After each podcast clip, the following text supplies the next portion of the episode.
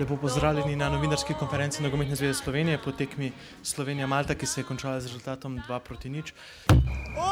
Z mano je selektor slovenske reprezentance Srečko Katanec. Srečko, čestitke za današnjo zmago in pa kako ste videli tekmo. Ja, tekmo sem videl tako, kot vsi vi, verjetno, tako da bili smo boljši, veliko. Uh, Hvala. Gremo kar na vaše vprašanje. A imamo kakšno? veš, koliko je luštno mi. Ja, ta zga tipa, uh, kukar je bil nova, sigurno, da bi ga vsak imel rad. Zadnje vprašanje, s katero besedo ali frazo si želite, da se vas spominjajo navijači? Povsem po dobrem, kaj sem dal za reprezentanco, kaj sem dal za Slovenijo. Pozabimo vse, kar je bilo, začnimo znova, bodimo, bodimo kot država, uh, vele sila, kar smo lahko, kar imamo. Veliko športnikov, ne samo v nogometu, tudi v drugih športih, kot, kot majhna država, zelo veliko dobrih športnikov, da nismo samo zdraven uspeha, vsi, a ne, da pa tudi da smo v slabih časih, da stojimo za fanti, vidimo, da so mladi fantje, rabijo samozavest, uh, rabijo izkušenj, igrajo v klubih, je dobra generacija in samo z enim kolektivom, z enim mislostjo vsi naprej, da gremo, da gremo Slovenijo naprej, samo lahko tako uspemo. Novi pa želim dejansko vse naj naj v življenju in uh, kaj bo delo, pa on ve najboljš. Gol smo dal v najboljšem možnem uh, trenutku, zdaj pa, da bi jih pa lahko dal še več, ne, je tudi jasno, ko beli dan. Ne. Pa tudi na koncu koncev, ne, jaz ne vem, takle penal, ki je, ki, ki je, jaz res ne vem, kaj se dogaja, ampak ajde.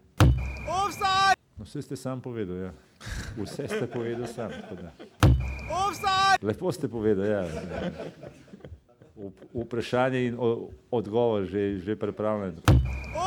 Angleži so se rešili uh, zadnjo sekundo, torej te škoti niso pol tako slabi, ne, kakor je. Če je bila sramota, ker smo mi izgubili z njimi, ne, ena nič. tako Da, uh, naprimer, Rene Krhin, tudi uh, uh, če bi bil v takem stanju, kot je bil proti Škotski, tudi danes ne bi mogel hoditi, verjetno po, po, uh, uh, po ure. Ne.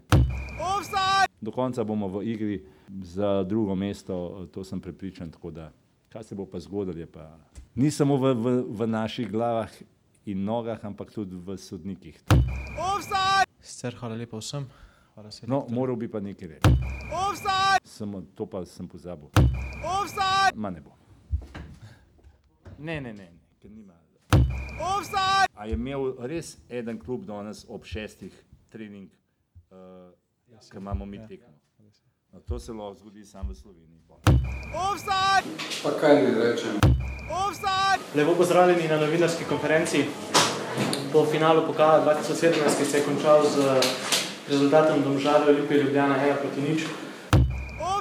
Sodniki mogoče niso bili na današnjem nivoju tekme. čestitke tudi mojemu trenerskemu kolegu. Mislim, da vseeno je bila taka tekma, kot smo pričakovali, iz obeh strani.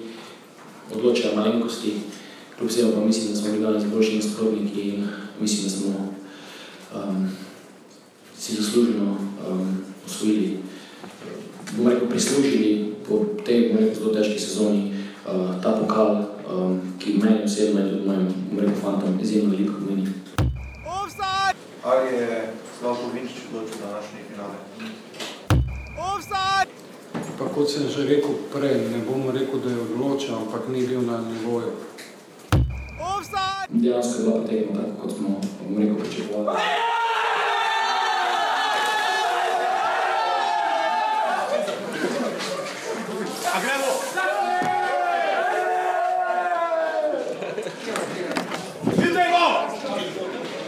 Računamo, ker imamo Marko, kakšen je osebni cilj vaš eh, za novo sezono? To je rekord. Ja, to je rekord, vedno, vedno razmišljam. Sedem golov, ne, da je to do decembra, mislim, da lahko to. Ja, ni fajn, da, da sedim na klop, ne, nimam rad, hočem igrati vse tekmi. Imate informacijo iz televizijskega glasa, na koga več stavijo na vas ali na Sebastiana Cimerota? Ja, ja, jaz malo tudi se stavim za mene. How would you describe yourself as a player? As a player, um, I think I'm powerful. I'm not that slow for one defender. I'm fast, so they can use my powerful to help the team. And my, I don't know, grinta. You know what that means? Grinta is like I want to win everything. Kuliča, njemu prihaja soproga in pa majhna hčerkica. A, sin je. Nekako sem mislil, da je hči. Če je sin, potem eh, se lahko nadejamo, da bo morda nekoč tudi srednji napadalec eh, naše reprezentance, da bo šel po njegovi stopinji. Absolutno. Ajde. Dragi offside, drage offside, dragi offside. Ljubitelice in ljubitelji prve lige uh, Telekom Slovenije, spoštovane, spoštovani, lepo pozdravljeni v res posebni uh, 85. oddaji, uh, offside oddaji o naši in vaši prvi ligi Telekom Slovenije, oziroma tokrat absolutno bolj o pokalu Slovenije in pa seveda ne smemo pozabiti tudi o U15 in pa jasno o slovenski članski nogometni moški reprezentanci. Uh, nekaj ste slišali o tem, kaj se nam obeta čez par desetletij a sin je, ampak skratka, eh, lepo pozdravljeni. Danes je posebej navihano za vas prebral prvi del intra, kmalo se ga bo naučil v celoti, tudi brez napak. Uh, žiga kos, žiga servus. Zdravo. Uh, ja, oddajo offset najdete na iTunesih, na SoundCloudu, uh, napišite nam lahko na offsetafnorbani.com ali pa nas podprete, da bomo lahko še večkrat šli na Vransko jesti, kjer pa je dosti krat imate juke. Uh, ko smo šla iz Brda, uh, nas lahko podprete na urbani.com pošiljnica offside z žigo, pripravljava uh, veliko, veliko novosti oziroma sprememb tudi in čim boljših oddaj v bodoče, tudi uh, ker si bomo spočila, zdaj gre offside dva tedna na dopust, ampak pred dopustom pa pripravljamo res posebno oddajo. Um, 85. offset, uh, gost je namreč predsednik nogometne zveze Slovenije Raden Komjatovič, pri njemu so bila minulo sredo.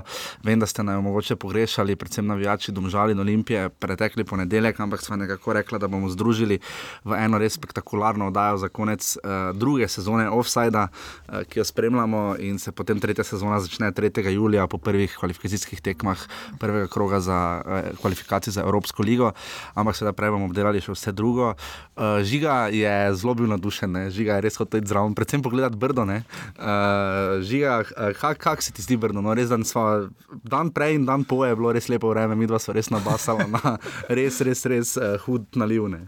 Ja, čeprav smo se še vozili, ja, ni tako hudo kazalo, ko ja. smo dansko bila tam uh, reženo po slikah, pa že po videih se vidi, da so pogoji res vrhunski. Samo... Najboljši v državi. V bistvu, ja, če gledamo, pa... da Olimpija trenira na Žaku, predvsem ob šestih v nedeljo. Ja. Uh, Maribor ima eno pomožno igrišče v neposredni bližini ljudskega vrta, na katerem bolj ali manj trenirajo. Uh, okay, domžale, videli smo v Kopru zelo lepe pogoje, uh, ampak vseeno mislimo, da, ima, da so na Brdu najboljši. No, če odštejemo reflektore. No, ja, vsekakor. Uh tukaj tudi zahvala Matjažu Krajniku, da nam je potem še prijazno vse razkazal. Ja, z, z dežniki smo oh, malo telovadili, ampak nam je res vse pokazal in tudi uredil intervju.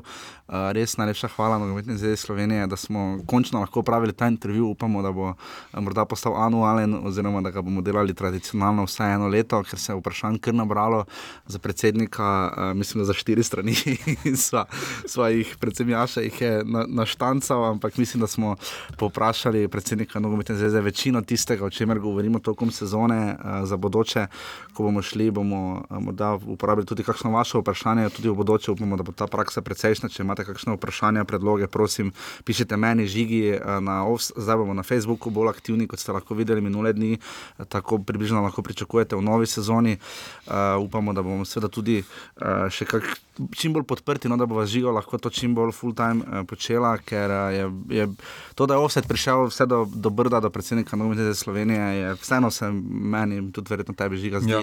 kar lep in velik dosežek za samo oddajo. V, ja, lepo priznanje tudi. Ja, v večji meri ste pa zato, seveda v največji meri ste pa zato res uh, zaslužni vsi poslušalci, uh, ki nas res pridno spremljate in pridno poslušate in upam, da boste to počeli še naprej. Uh, in zdaj gremo na, neposredno v vodajo 85. in bomo seveda za uvod intervju s predsednikom pride nekoliko kasneje. Uh, gremo seveda kar takoj na najbolj pomembno stvar, uh, Maribor Domžale v 15. uh, sicer Maribor je bil v 15 prvak, ampak ne. Uh, slovenska nogometna reprezentanca se je v soboto ob 6. ne v nedeljo, soboto, soboto. ob 6. pomerila za Malto v šestem krogu kvalifikacijske skupine F za 2018 uh, in zmagala za dve proti nič, streljca sta bila Josip Iličič v ponovitvi uh, gola iz ljudskega vrta proti Škotom, do, ali doma je do tisti gol, ne?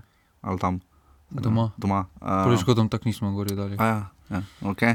Okay. Ne, mislim, da takrat je dal proti Hibrnju, ne, dal gol, ne, podobno zelo. Ja, to pa dal v gosteh. V gosteh, a no. ni dal v ljudskem vrtu, no. zato se mislim, pa seveda Mili Voje, Milen Novakovič pri svojem, uh, svojem slovesu, uh, ki je bilo kar čustveno slovo, no, moramo reči.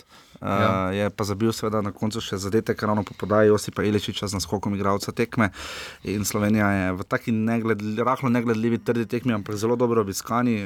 Smo, jaz sem pričakoval, predvsem gledalce, tu se je no, zase res izkazalo. Ja, pa tu je najverjetneje Novakovic z uh, omembo, da ja. bo ja. končal kariero, tudi pripomojo kakemu dodatnemu številu gledalcev. Ja, no. prišli so celo iz Nemčije, vem, kar nekaj ljudi poznam, ki so šli posebej na to tekmo, ravno zaradi uh, slovesa Milivoja Novakoviča. Je pa nekoliko nenavadno, morda, če se najprej kar tega dotakneva. Uh, ponavadi igralci pač povejo, da ne bo več igrali za reprezentanco in igrajo potem še za klub. Vem, na zadnje, taki veliki primer, recimo vem, Filip Lam. Uh, Novakovič je pa to sporočil zanimivo v reprezentančnem dresu, ker je v bistvu to dosti pove, oziroma kaže, da je reprezentanca bila krona njegove kariere, misliš? Ja, vsekakor pa tudi na koncu je vseeno se uveljavil, neko ime si ustvaril.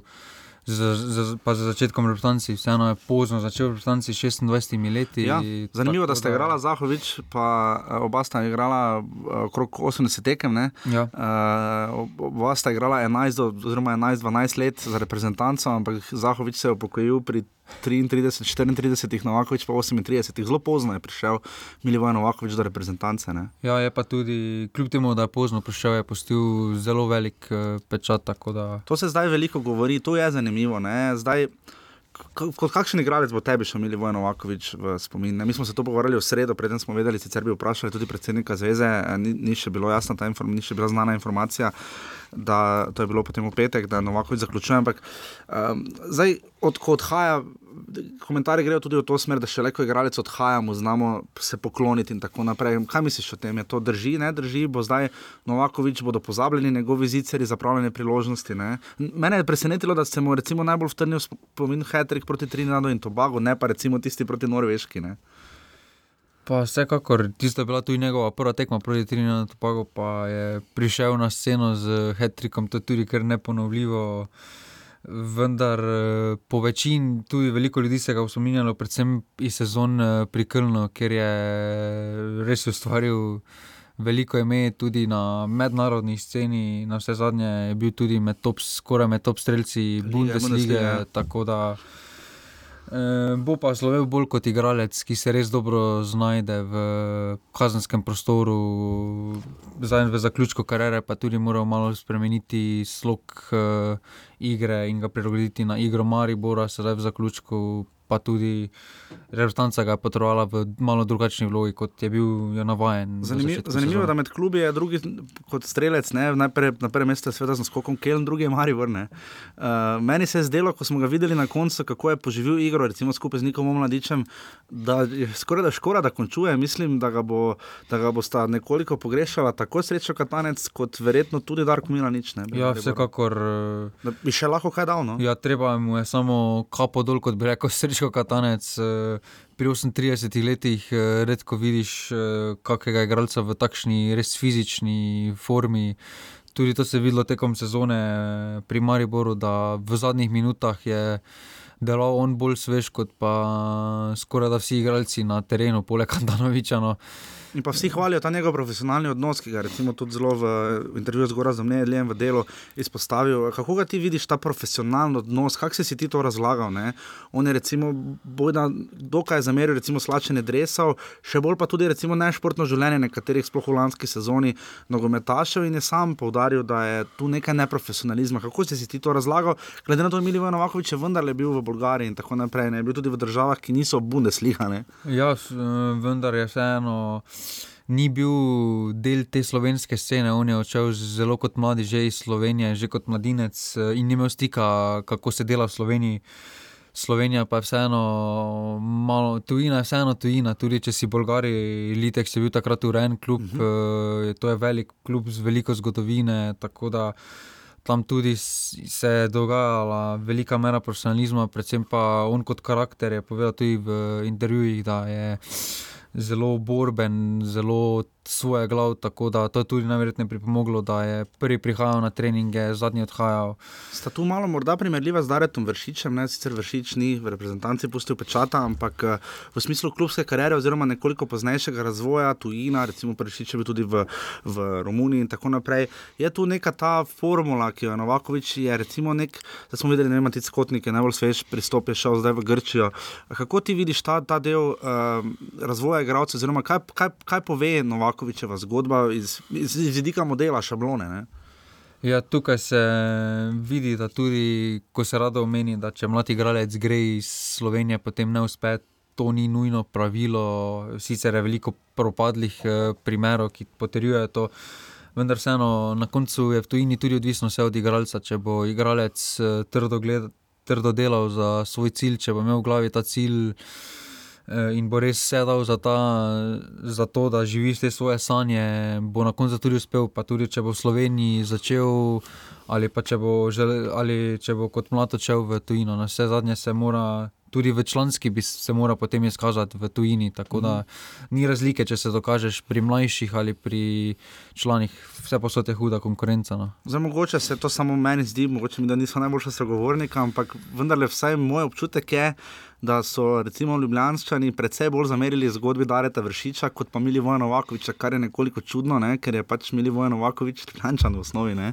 in je igral v mladinskih selekcijah pri Olimpiji. Njemu ta zgodba res ni škodila, ne? v bistvu mu je imponirala na nek način. Ne?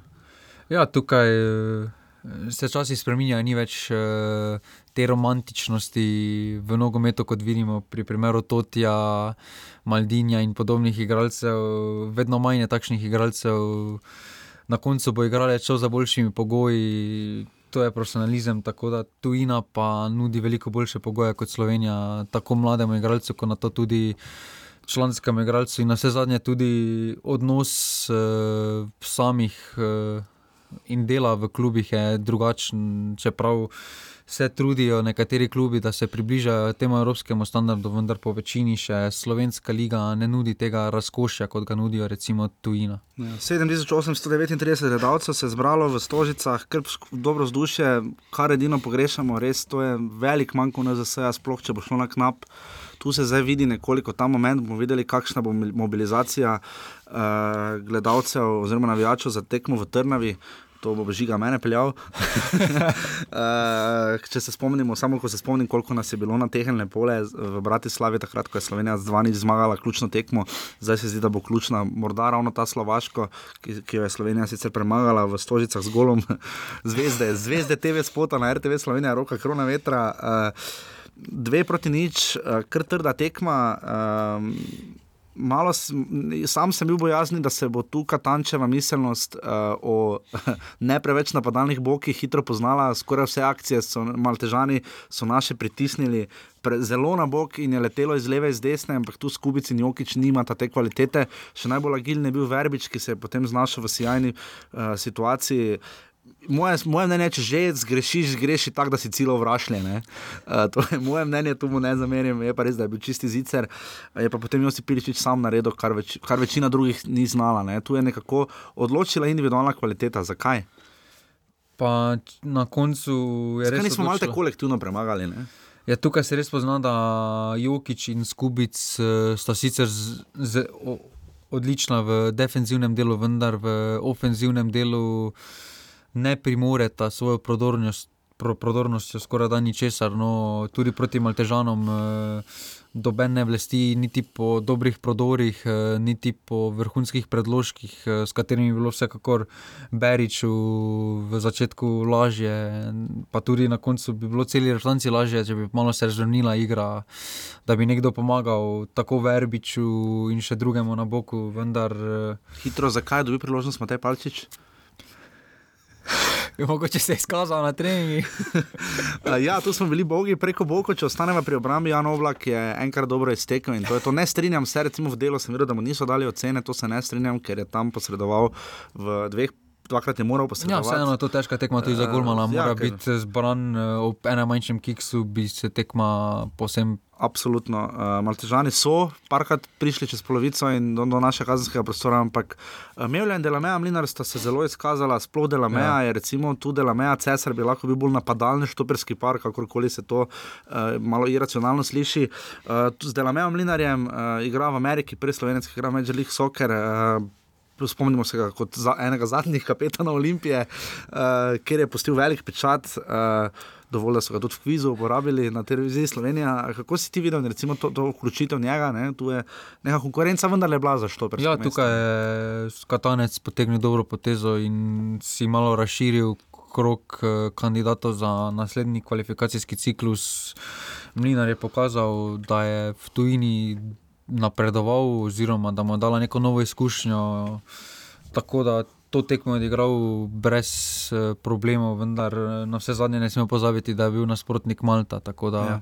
Offset smo začeli septembra 2015 uh, z Renem Puharjem, ki vas vse lepo pozdravlja, prej ključe zrihtel, hvala GTO 22, da ne pozabimo, uh, da bomo lahko še bolj uh, eksaktno in ažurno snemali naš offset. Uh, septembra 2015 smo začeli in do danes nisem vedel, da obstaja Twitter profil Rene Krhin Fans, ki me je prvič očitno našel, najbrž zato, ker niso imeli prej kaj drugega najti, jaz sam reč nisem ne spadam med največje njegove fane, ampak tokrat je bil pa res fizično pripravljen in mislim, da je slonila igra na sredini, uh, tako kot varovalka. Uh, morda je tudi celo Kurtič bil nekoliko ne ravno na potu, ampak skoraj da nepotreben na nek način. Uh, Rene Krhin je res tekaško bil razpoložen uh, in nima steklenih nog, ker so ga kar fajn tokli, maltežani, maltežani Simon, Le, Simon Lee Evans se pa res ni izkazal kot sodnik, uh, tam nekje na nivoju Slavka Vinčiča iz finala pokala, čeprav Vinčič je pa je dobro sodo v, v Evropi. Eh, to je ta, ta oksimoron, ampak uh, dobro se je izkazala sredina, uh, ta Kutič je proval z enim strenom daleč, ker je dobro sodeloval v akcijah, Verbič je bil zelo potenten in pa Iličič, ki je tehnično gledano bil bolj v vezi. Ne? Ja, Iličič uh, ima to indano kvaliteto, je že pokazal v tekom svoje kariere, da premore to indano kvaliteto. Je Iličič dobro igral, ker ni bilo kampla? Pa najverjetneje tudi posledica tega, da posledično dobi več žog, večjo svobodo v sami igri, ima tako da. Vendar bo ta morala najti za dobro biti celotne vrtance, neki kompromis deljenja žog, da bo cela Slovenija imela res nekaj od tega, ko bo ta igrala oba igralca, ker sta res oba dva ima, vsak, vsak ima svoje kvalitete in če se najde neki kompromis, eh, neko tiho žitje med obema. Eh, res po tem napadalnem delu imamo eh, res velik nabor akcij in rešitev. Ampak potem sta tukaj precej garaška, tiha, delovna, marljiva, Robert Berič in pa Roman Bezjak. Uh, precej odrezana, zdaj slišal sem, uh, recimo, če ostanemo 31 zadetkov ali 32. 32, 32. 32 gole na koncu zbral Milijan Novakovič, 3 so mu zmanjkali do Zlatka Zahoviča. Zdaj je zagotovo jasno, da še nekaj let, Zlatko Zahovič bo še dolgo ostal prvi srce reprezentance, ja. uh, ker tudi Berič, Bezjak niso najmlajši igralci, več seveda ne, uh, nimajo takšnega števila zadetkov, nismo potem povedali točno koliko jih je. Ampak v vsakem primeru, uh, vendarle se mi pa zdi nekoliko, ne bom rekel podcenjujoče, ampak da moramo zdaj gledati nujno v 21 reprezentanco, ki imamo naslednje napadalce, pa Milijo Novakovič, vsega vendar imamo v Robertu Beriču. Ne. Samo ne pride nikakor do izraza, ne, Berič, uh, ob tej igri, ko Iličič v bistvu proba, v bistvu prevzema vlogo napadalca ne, in ga zato tudi uvrščajo na spisku med štiri napadalce. Kako ti vidiš vlogo, recimo, sploh Roberta Beriča, ne, ki ja. beremo o njegovih dobrih predstavah v Santetjenu, v reprezentanci pa kar posrka ga nekam ta igra. Ne. Ja, tukaj se. Berič se vseeno najboljše znajde z, z igro hrb, s hrbtom proti nasprotnikovemu golu. Tako da e, tukaj mu res manjka teh predložkov v sam kazanski prostor. Novakovič je tekom kariere v Brzanci imel veliko pomoč v Brečkotu, je, ki je bil res eh, v ofenzivnem delu v svojih najboljših letih res vrhunska rešitev.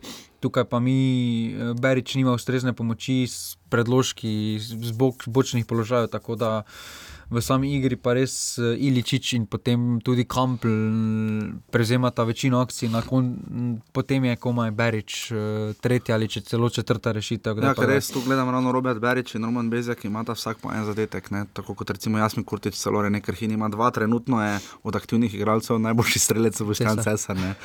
Tehnično gledano še Tima Tauš, ampak seveda ga srečo Katanec ne kliče od teh bolj uh, še aktivnih igralcev. Uh, Niko mladič je znova stopil samo proti Slovakom, doma ni dobil priložnosti, na vseh ostalih tekmah predstopil je iz. Že, že težko izgovorljivega Eintracht Braunschweig v sploh FC, nekaj na G, probiš probati. Grufurt. Skratka, bomo se naučili do, do, do jeseni, obljubimo.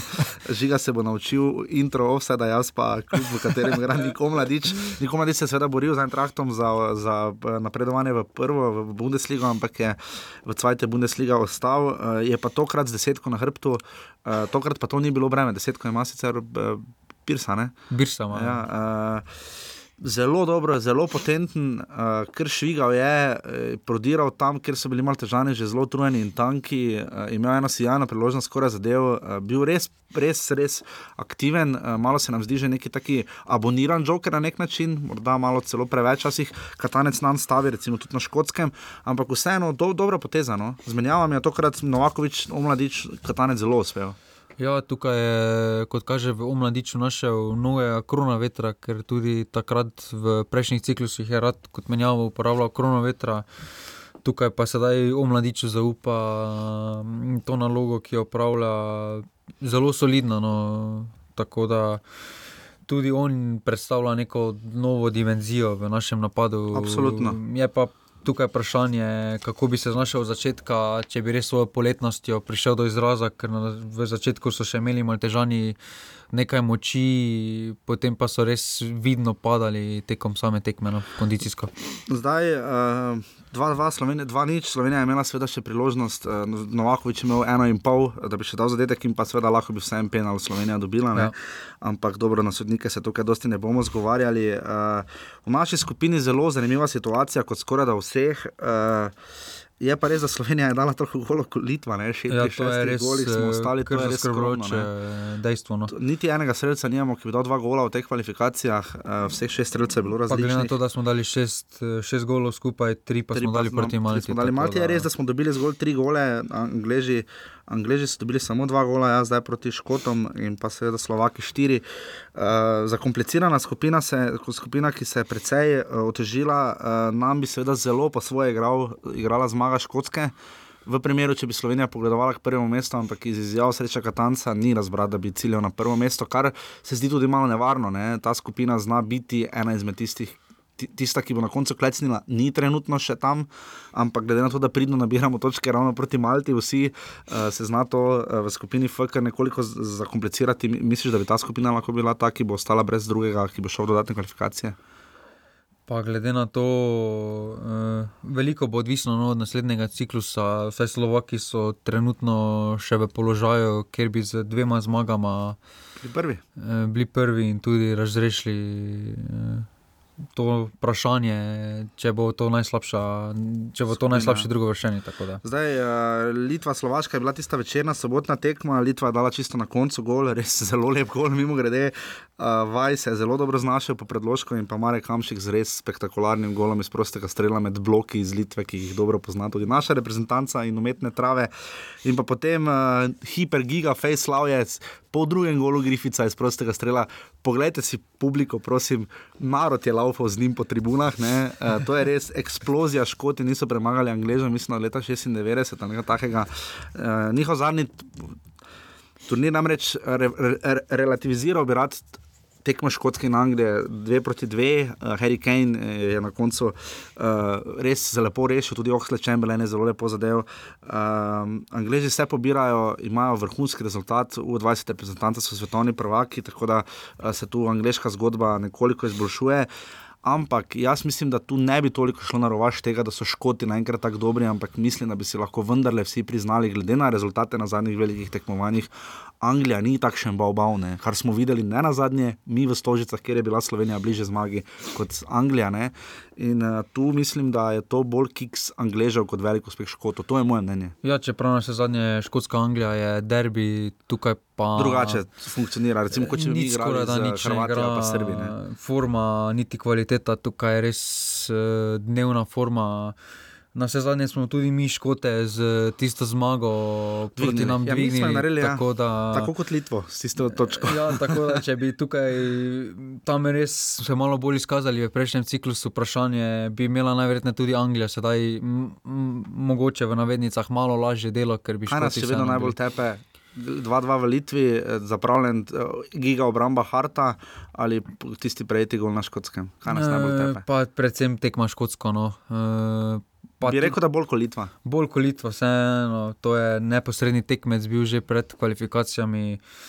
Uh, vseeno, tisti remi proti Litvi, Litvi ni tako lahko igrati, čeprav na škotskem tudi ni, vendar uh, s tisto, če ne bi tam prejeli zadetka, recimo bi bili izenačeni Slovaki ali, ali pa res remi proti Litvi. No. Čeprav v Litvi bi si zaslužili prej poraz kot pa remi. No. Ja, zdaj je do septembra, 1. septembra so tekme v naši skupini, vse tri ob 20.45 in potem 4. septembra ob 20.45. Za Slovenijo še niso določene, uh, vidim tu zdaj piše stožice, tako da očitno. Na NZS še nisem zasledil, vmes je bil že ljudski vrt napisan, celo videli smo Niso tablo. Celo, vid- za- celo videli smo že table na prestribuni v ljudskem vrtu, ampak očitno si je NZS premislila, to nismo vprašali takrat še uh, gospoda Mijatoviča. Uh, bomo videli, um, očitno bo reprezentanca ostala v Stožicah. Ja, eh, tukaj tudi s tekmi z Litvo Mogoče igra kakšno vlogo Novakovič, eno Novakovič iz stare garde, ki je takrat tudi izrazila željo, da bi restančno zgodbo nadaljevali takrat v Mariboru pod Kekom, sedaj pa se tudi on poslavlja in to je nova, v bistvu reprezentanca že skoraj da, skoraj vsi so Ja. novi igralci, da Ja, Jokič je še ostal, recimo, Ja, ne, pa Cesar. Cesar ne. Ostalo je pa. Uh, ostali pa pravzaprav uh, vsi stari. Naslednja tekma igra Slovenija, uh, morda najpomembnejša na Slovaškem v Trnavi, uh, na stadion Antona Malatinskeho. No, super. To se bomo do septembra naučili. Naučili tudi. Ja. Uh, 1. septembra, torej uh, septembra in potem 4. septembra še domača tekma z Litvo, s katero tudi nimamo doma dobrih izkušenj. Uh, tu Slovenija nujno potrebuje dve zmagi. ne. Uh, karkoli razen, mislim, poraz na Slovaškem je game over. Ne? Ja, doma proti Litvi je obvezna zmaga, tukaj ja. ni vprašanja. No. In potem še zadnji dve tekmi pa bo res Ja. zanimiva tekma. No. Uh, ta krok nam je zelo pomagal, ker so med, oni med sabo igrali. Ne? V naslednjem krogu boste igrali Litva in Škotska. Tu Škoti znajo nesti tri točke, čeprav se Litva izkazala kot Ja, težek tukaj, če gostitelj. se potem eh, nam zalomi proti Slovakom, še, eh, se škoti izenačijo Ja, ta, se pravi, ta krok bo zelo napet in Angleži so na Malti, tako da uh, tu, se znamo, tu se znajo zelo odlepiti od nas, oziroma Škoti se nam približati. Slovenija v tej skupini seveda lahko še prva, lahko je pa tudi gladko četrta. Uh, Anglija ima 14 točk, Slovaška 12, Slovenija 11 in pa Škotska No, no, tudi 8. peti smo lahko. Litva 5, ampak dobro, ok, in pa Malta brez točke. Uh, potem pa imamo mi še tekmi z, uh, v gosteh z Anglijo 5. oktober na Wembleyju. Ob 20:45, uh, zadnje tekme so pa 8. oktober ob 18. uri, igramo doma za Škotijo. Jaz upam, da bo tista tekma odločala dejansko o vsaj o dodatnih kvalifikacijah za slovensko reprezentanco. To si seveda vsi želimo. Uh, najbolj pa seveda predsednik Nogometne zveze Slovenije, Raden Komijatovič. Uh, Ki se vam bo zdaj razbrcal, izpovedal o vsem. Jaz upam, da je bil intervju v redu posnet, smo malo zmontirali tako na hitro, tako da uh, upam, da boste uživali. In še enkrat hvala Matjažu Krajniku in pa nič, zdaj bo brcal Radenko Mijatovič. Jer ja, jer ja, ja već sumnjam da zbog nogometa samo ti svake nedelje popodne ideš tamo kad je zima ili Um, tako lepo pozdravljeni, uh, naši poslušalci. Uh, smo uh, zelo zadovoljni, počaščeni, da smo uh, v no, nacionalnem nogometnem centru na Brdu. Danes sicer dežuje, ampak ni zato nič manj lepo tukaj. In uh, nam je v veliko čast in ponos, da gostimo predsednika Nogometne zveze Slovenije, ki je, kot veste, in tudi sam ve, uh, obljubil oziroma napovedal svoje uh, udejstvovanje v oddaji. Tako da z žigo uh, tukaj na Brdu zelo lepo pozdravljamo. Eh, Predsednika Nogometne zveze Slovenije, Radenka Mijatoviča. Gospod predsednik, eh, kako je biti predsednik Nogometne zveze Slovenije? Zdaj ste to že nekaj časa, dobrega, malo več kot pol leta, cirka. Eh, Kako je biti predsednik, kakšna je ta vloga, oziroma kaj je drugače, kot ste si predstavljali, ne glede na to, da ste bili že VD, pa ste imeli izkušnje, ampak kaj je drugače, kot ste mislili, da bo? Pa moram reči, da je zelo zanimivo in zelo naporno. Ne. Ogromno je uh, enega dela, veliko je dogodkov, veliko se okoli nogometa dogaja. Uh, drugače je to, da uh, kot si podpredsednik, si vključen v veliko število dogodkov, vendar na njih ne sodeluješ operativno, so odločaš, ne odločaš. Kar se pa tiče vloge predsednika, potem je pa ta vloga bistveno bolj široka, je pomembna, je odgovorna, se odloča in tudi potrebno se spustiti v, v bistveno več uh, detaljev, kot je to bilo pri uh, pod, vlogi podpredsednika oziroma uh, VD-ja takrat. Je to služba, je to polni delovni čas, bi morala biti funkcija nujno profesionalna. Kaj bi rekli, koliko, koliko časa vam vzame nogomet? Pa recimo, če rečemo, da uh, imamo svojo profesijo in delo v firmi, da nogomet vzame pa vse preostali prosti čas. Uh, je pa uh, to skoraj še ena služba zraven. Zdaj bili ste na terenu, podeljevali ste tako v ljudskem vrtu kot na Bonifiki, uh, medalje, pokal. Uh, zdaj, pohvaljen je bil Aleksandr Čeferin za svojo efikasnost v finalu lige Prvako. Kako ste se tukaj vi znašli, kako je bilo v ljudskem vrtu, kako je bilo na Bonifiki, kakšna je ta funkcija koliko cenijo igravci, kaj so vam povedali, kako, kako ste se počutili tako v ljudskem vrtu kot na Bonifiki? Pa kot podeljev, v vlogi podeljevalca nisem nastopil prvič, ker tudi kot podpredsednik sem dosti krat v odsotnosti predsednika podeljeval te nagrade na podobnih dogodkih. Uh, Aleksandra Čeferina je bilo res imenitno videti v vlogi podeljevalca na tako velikih in pomembnih dogodkih, uh, in ga bomo videli tudi v še, še uh, pomembnejših v prihodnje. Uh, Kar se tiče te moje naloge v Ljudskem vrtu in v Kopru, moram reči, da je bilo zelo v redu, vzdušje je bilo v obeh primerih eh, dobro. Eh, kar se tiče eh, podeljevanja v Ljudskem vrtu, zadeva je bila pripravljena že prej, tako da se nismo. Posluževali enakega načina, ki ga je izbral predsednik UEFE in katerega smatram za najboljši možni, da se igralcem tam, kjer so priborili določene naslove, tudi uh, podelijo priznanja, vendar eh, zadeva je bila že pripravljena prej in proslava je bila pripravljena tudi prej, tako da smo na južni strani stadiona Ljudskega vrta podelili igralcem Maribora zaslužena priznanja za svoje prvo mesto. Kar se tiče Kopra, pa je zadeva bila prav tako prej pripravljena in tudi obstajala je neka možnost in neke napovedi udora navijačev na, na stadion, ker smo uspeli na en način, ker so varnostne službe uspeli preprečiti in je bilo bolj varno da se igralcem te, ta priznanja podelijo na tak način. Je pa to prijetna naloga, je res, da je treba kakšnega potolažiti, ker izgubi pomembno finalno tekmo, kak, kakega pohvaliti tudi umestne. Ampak to ni tak problem. Kako vidi, vi vidite to folkloro, uh, ko narod steče čez uh, ograjo in gre loviti za igralci? Po eni strani je lepo, po drugi strani je to vprašanje varnosti. Kako jo vi vidite? Pa če ne bi bilo pomembnih varnostnih pomislekov, pol to niti ne bi bilo tako grozno. Vendar, da si zamislimo, recimo, da na finalu lige prvakov, kjer je 75 tisoč ljudi na zadnjem, da vsi stečejo na igrišče iskati kakšen kos opreme od igralca ali pa, ali pa kakšen kos mreže ali pa, ali pa kjer koli dela stadiona, da bi to, uh, to, to bi bilo ne nepojmljivo ne, in izjemno, izjemno nevarno. Zato je najboljši, najbolj primerno, da gledalci ostanejo na svojih mestih in da pozdravijo akterje določenega finala in čestitajo tistim, uh, ki so uh, finala osvajali na način, oziroma tudi, tudi potolažijo svoje moštvo na način, kot so to počeli skozi celo prvenstvo z navijanjem, ploskanjem in, in podobnimi zgodbami. Je to izjemno, izjemno nevarno za igralce, zato uh, tega ne, ne, ne sprejemam. Če pridemo na prvo ligo Telekom Slovenije, ta je zdaj končana, čakajo Maribor, Olimpijo, Gorica in Domžale tekme v evropskih tekmovanjih. Slovenija je na koeficientu 30 med Kazahstanom in Slovaško. Kaj se da tu narediti, uh, ste s tem zadovoljni, kam lahko naša liga poseže, kaj bi rekli? Pa Evropa je izjemno konkurenčno okolje. In uh, glede na veliko Slovenije, ne glede na to, da se v nogomet vlaga v zadnjem času zelo veliko, uh, koeficient je odvisen od rezultatov in reprezentance in klubov, in klubov v evropskih tekmovanjih. Zelo težko je v takem konkurenčnem okolju posegati dosti više. Uh, kaj pa lahko posamezni klubi naredijo, odvisno od tega, kako se bodo pripravili in, in kako se uh, bodo mogoče uh, okrepili v tem relativno kratkem času, od konca prvenstva pa do začetka teh kvalifikacijskih tekem. Rok je kratek tudi zaradi tega, koeficienta, zaradi tega, ker štartamo relativno prej, kot štartajo recimo nogometno bolj razvite države, sploh, ko govorimo o klubskem nogometu. Uh, želim si, da bi ekipe šle čim dlje, vendar moramo biti realni, da to si želijo tudi vsi drugi in bo, bo to zelo težko. Kako ste zadovoljni z urnikom, ne? Uh, tekme? 15. julija se leto začne prvenstvo, nekateri nogometaši pravijo, da bi še sami lahko igrali decembra. Kako je s tem koledarjem konkretno?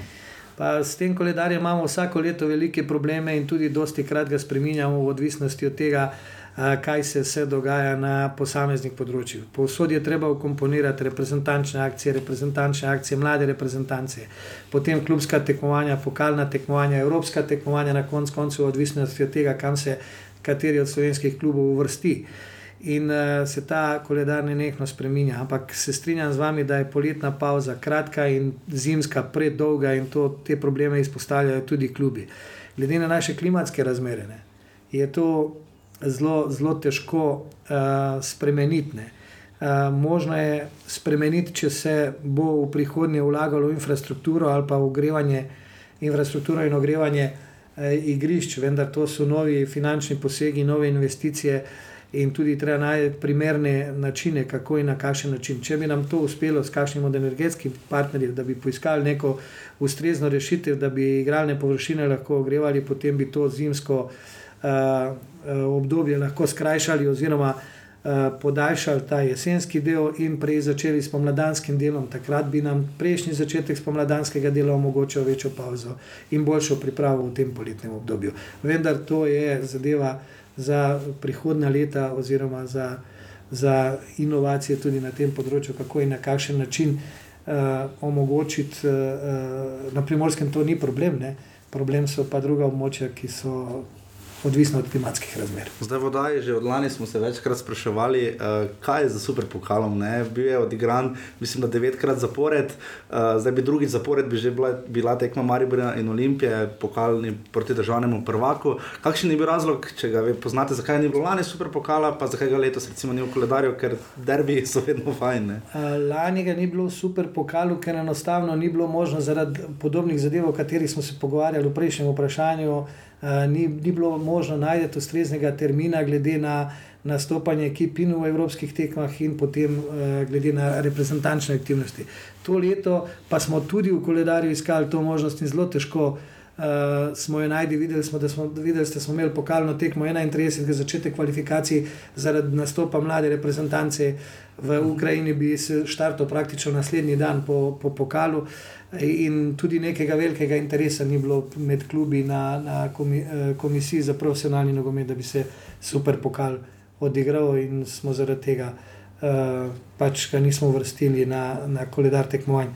Če bo zanimanje, oziroma če bo uh, na sestanku profesionalnih klubov izražena želja, da se ta super pokal odigra, bomo pelali ponovno koliko ste na Bonifiki, uh, na tisti res lepo sredo, tri tekme, tri finalne tekme, uh, vseeno bili z mislimi pri licenciranju, pri odločitvi tega je bilo takrat kar precej. Se zdi, da je tisto še bolj veselo nad celotno usodo, tako prve lige, delno tudi seveda druge. Kako uh, ste rešili to zadevo, kako sami vidite zdaj na situacijo Ankara na Kopra, v Kopru, vendar čez tri leta bi bilo sto let, kar bi obhajali igranje nogometa. Ne? Kako ste videli to zgodbo za licenciranje?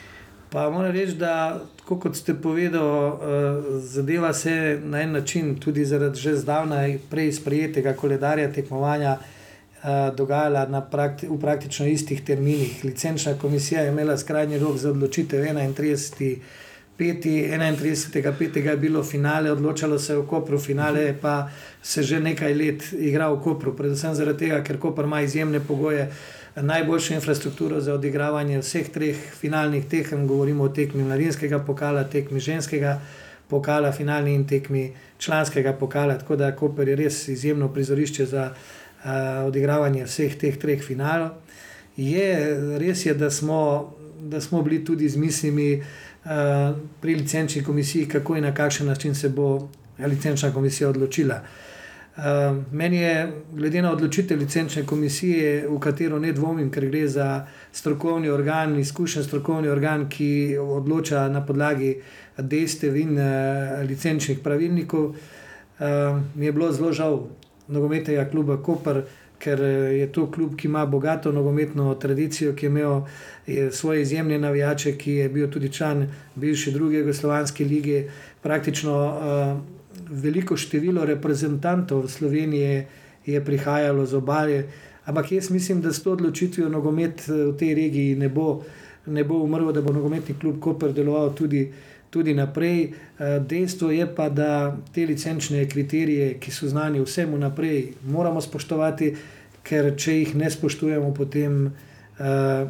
v bistvu smo tudi zavezani do UEFA licenčne komisije, da te kriterije spoštujemo in na ta način zagotavljamo ustrezne pravilne okvire, v katerim uh, prva liga tekmuje. Bi tu morda kaj spremenili pri samem licenciranju, recimo, da je pogoj to, da klub igra na svojem stadionu, če seveda.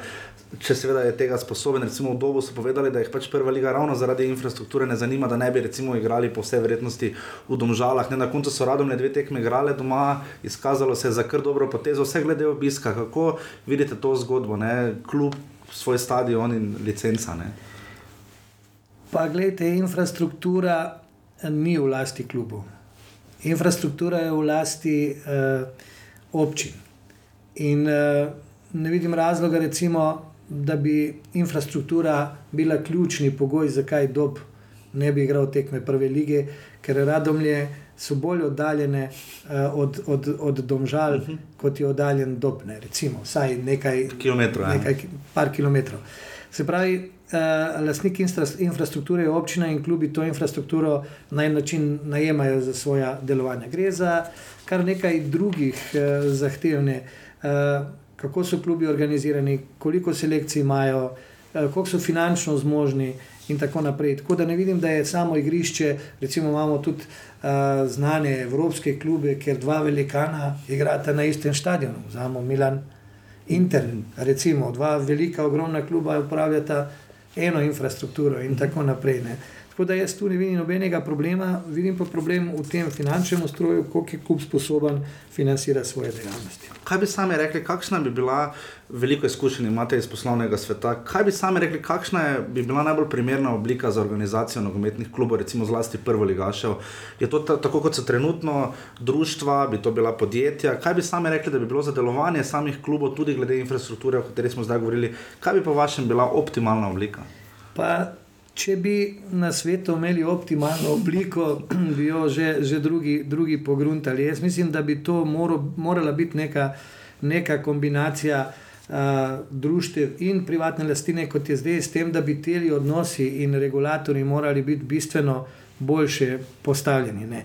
Ker mi moramo, glede na, na finančne zmožnosti posameznih društev, omogočiti, da v klube prihajajo, sploh v klube na visoki tekmovalni ravni, prihajajo tudi vlagatelji, ki imajo določene interese. Ampak ključni interes pa teh vlagateljev mora biti delovanje in športni rezultati klubov, in da skozi to delovanje, športni rezultati teh klubov ustvarjajo tudi svoje osebne ambicije oziroma interese. Tako da Uh, ključno je, in zaradi tega morajo biti postavljeni regulatori, kaj z mladinskimi ekipami, kaj, kaj pa z mladimi, in tako naprej. Uh, pogosto se dogaja, da določeni investitorji pridejo v klub, zanima jih samo prva ekipa in skozi društva, da ohranjajo to piramido, ki je potrebna pri licenciranju, imajo vse te mladinske pogone, vendar te pogone pa ne financirajo. In prej ali slej se zgodi, da te investitorji potem iz teh klubov tudi odidejo. Uh, Eh, kako pa zagotoviti, da v te klube prihajajo resni investitorji, ki jim je šport in nogomet eh, na prvem mestu, je eh, vprašanje, in kako prepoznavati prave vlagatelje, in kako ne, ampak to so odgovornosti posameznih klubov, ker oni, posamezni klubi, spuščajo posamezne ljudi v ali da investirajo v klube ali v vodstvene strukture teh klubov, kar je. Ja, avtonomni so, kaj lahko tu NZS naredi, kako vi gledate, ne? eno je osebno, profesionalno, kako lahko vi gledate na recimo zgodbo iz celja, zdi se, da je edini uspeh celja, sami dobro poznate kot okolje, zdi se, da je edini uspeh je, da se je cinkarna omaknila, to gotovo ne more biti dober, dober doprinos k celskemu nogometu. Kar jaz poznam razmere v celju že leta in leta, jaz mislim, da celje, eh, glede na njegovo organiziranost in finančna sredstva, takih vlagateljev niti ni potreboval. Ne. Zakaj so se po strukturi kluba odločili za tako obliko in se potem po enem dobrem letu na en način uh, uh, dogovorili o, o, o umiku, težko, težko komentiram. Uh, nogometna zveza ima edine možnosti, da skozi licenčne uh, postopke preverja uh, do, do, določene dejavnosti in dogajanja in ustrezno reagira v smislu kršitev teh licenčnih postopkov in pravilnikov. Drugih možnosti okoli tega, kdo so ti ljudje, kakšen je, je, je njihov namen, uh, kakšen je izvod, iz, izvod denarja, ki, s katerim pridejo, če ga, če ga prenesejo klubi. Sem tu si izkazalo, praktično, da, da so prej kaj odnesli, kaj prenesli. Uh, da, zato so pa drugi organi, ne, ki, ki, ki so na državni ravni. Kaj pričakujete od druge lige? Rekli ste, da 16-članska druga liga bo, da si želite mislim, da nastopu funkcije, da si želite, da bi mladi dobili več priložnosti, da bo konkurenčna liga. Absolutno, ko gledamo klube, ki bodo nastopali, se, se nam zdi super ideja. Ampak kako zagotoviti, da bodo, da bodo na, naši, torej slovenski domači fanti, dobili več priložnosti, ker v prvi ligi mislim, da če smo na hitro zračunali okrog tretjina nogometašov. Uradno tujcev, oziroma tujcev, ki pač niso, nimajo slovenskega državljanstva, kaj bi tu sami naredili, kaj lahko tu naredi, ne za vse?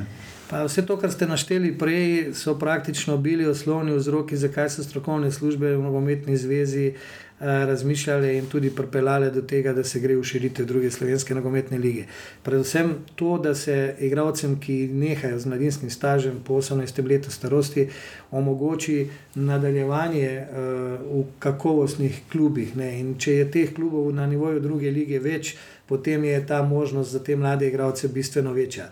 Mi smo uh, znotraj tega pravilnika o, o, v tej drugi ligi, tudi o, o drugi ekipi, recimo prvoligaških ekip, ki jih zaenkrat ne bo, ampak mogoče se bodo prijavili v prihodnje, definirali, koliko mladih igralcev mora začeti tekmo, koliko mladih igralcev mora biti v sestavu teh ekip.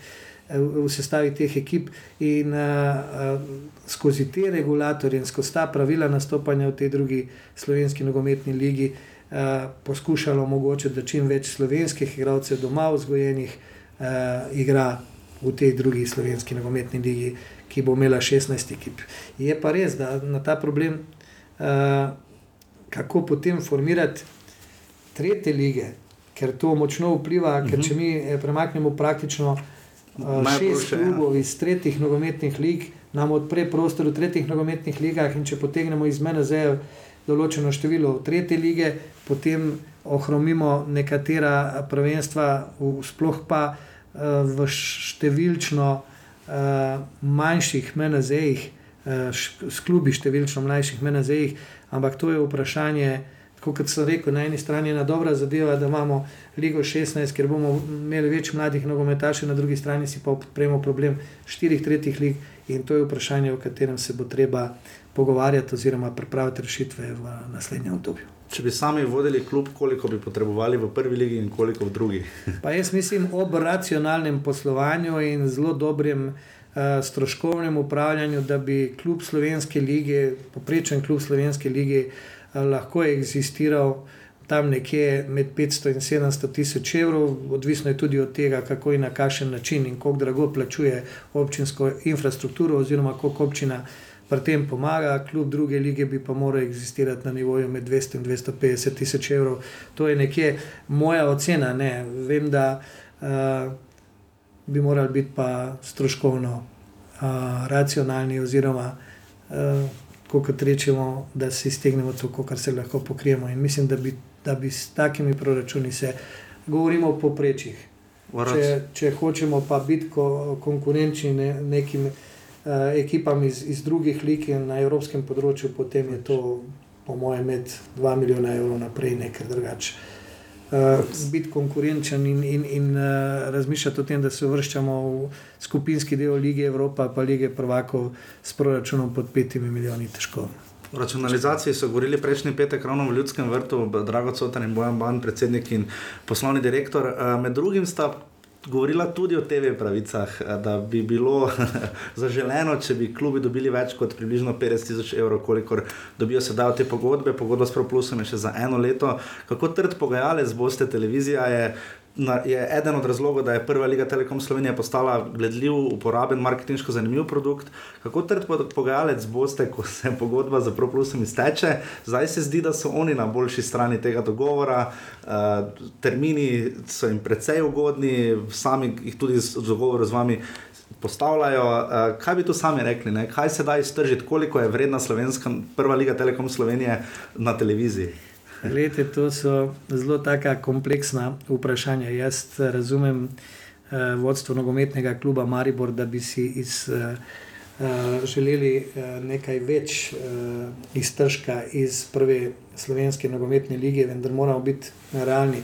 Živimo eh, na prostoru Slovenije in slovensko ligo lahko stržimo izključno in samo v tem prostoru.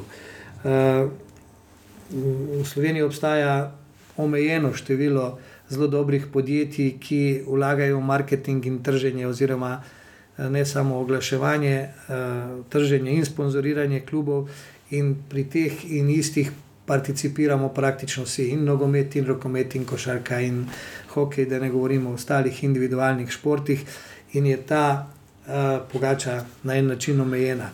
Vsi si probamo z dobrim produktom, od, odščipam čim več od tiste pogače in nogomet, zanesljivo je dober produkt. Vendar govorimo o dveh blagovnih znamkah, ki jih lahko tržimo v slovenskem nogometu in to je predvsem reprezentanca in druga je prva slovenska nogometna liga. Znotraj pa prve slovenske nogometne lige spet vse tekme uh, tržimo težko enako. Uh mhm. -huh. Ko govorimo o ProPlusu, ne, ProPlus je medijski partner. Naš glavni sponzor je uh, Telekom Slovenije in v bistvu gre za, za sponzorja prve slovenske nogometne lige, medijski partner je pa ProPlus. Vedno, koliko trd pogajalec je človek, lahko je odvisno od tega, koliko alternativ v določenem momentu ima. Ne. Dejstvo je, da, da je gledanost prve slovenske lige s tem medijskim partnerjem izjemno zrasla. To pa odpira možnost klubom, prvo je, da se mi pogajamo z mogoče za večji kos pogače, drugo pa je, da klubi, glede na obisk na stadion in na njihovo medijsko izpostavljenost, da lažje tržijo tudi sebe kot klub. Tako uh, da v tem trenutku nogometna zveza na letni ravni klubom prve lige razdeli tam okoli 500 tisoč evrov in to je polovica vsem enako, polovica pa po koeficientu uspešnosti. Uh, uspešnosti. Uh, v tem trenutku mislim, da razdeli več kot je sami stroški ko, ko, ko vzamemo sponzorska sredstva, ki je produkt prva liga, oziroma oglaševalska sredstva, ki je produkt prva liga, eh, prenese nogometni zvezi in oštejemo produkcijo in vse ostalo, kar je treba za to narediti, ne, da nogometna zveza razdeli več kot ti na en način ostane. Uh, vsekakor se pa strinjam z, z, z obema, da je treba delati na tem, da pridobimo še kakšnega sponzorja za ligo, da se ta skupna vsota poveča in da te skupne, skupne vsote razdelimo klubom. Kaj več. Mogoče se pravi, če bi se kakšen, ampak tudi pri, pri Mariboru je model uh, trženja nekje 50-50, tako da, da je Maribor vezan na, na ta prostor, 50% nogometno zvezo, ostalo pa ustvarja sam. Tako da, ja, vsem bi to bilo interesu, vendar. Zanimanje tujih vlagateljev za produkt uh, Slovenska prva liga je zaenkrat samo informativno. Uh mhm. -huh. Mogoče bomo na tem segmentu naredili kaj več, ampak je potrebno v tej smeri uložiti veliko več dela, kot je bilo vlagano doslej, in, in, in na tem segmentu bomo uh, povečali aktivnosti. Sami pogledate, kdaj je študijski del na kanalu A oziroma produktu ProPlus. Včasih so imeli sodniške analize, zdaj jih že nekaj časa nima, več vam je to ljubo. Ni? Pa kadarkoli uh, imam čas pogledam futbol na televiziji, tudi študijske oddaje na kanalu A. Um, vsekakor je zanimivo pogledati tudi, tudi določene analize v zvezi s sojenjem, samo te zadeve morajo biti bistveno bolj uh mhm. -huh. pripravljene. Tako kot se to pripravi na zelo na hitro in zelo na kratko, potem je ta informacija slabša, kot če bi bila to uh, strukturirano pripravljena zadeva, kar se po moje da narediti, vendar na čas, uh, v času, ki je za to predviden pa je to zelo težko. Zakaj imamo občutek, to je zgolj občutek oseben, da Damir Skomina lažje in boljše sodi v finale Evropske lige kot doma v Sloveniji? pa, lete, ja, moram pa reči, da je moje mnenje, da gre res samo za občutek, ampak zakaj, zakaj tako menim. Damir Skomina, recimo tekme Evropske lige se dogajajo na ene tri tedne in se vedno sodi različnim klubom v različnem okolju na različnih ligah. Namir Skomina odsodi največ tekem Slovenske lige, zaradi tega, ker gre za najboljšega sodnika in sodi vedno vse tiste tekme, ki odločajo ali o prvaku, ali o obstanku v ligi, ali o zmagovalcu pokala. V bistvu največ sodi težkih tekem in zelo pogosto jih sodi v Sloveniji. Ne. In glede na to, da je število tekem bistveno večje, da ga gledamo na vseh teh tekmah, je možnost števila napak tudi večje, ker vso tekmo brez napake je, je iluzija. Ko pa je teža te napake, eh, boljše, da jih je manj takih pomembnih. Ne. Tako da, da na koncu pride do, do, do tega. In še ena zadeva je, da eh, recimo Liga je mehna, deset klubov, vsi klubi igrajo en z drugim štirikrat na.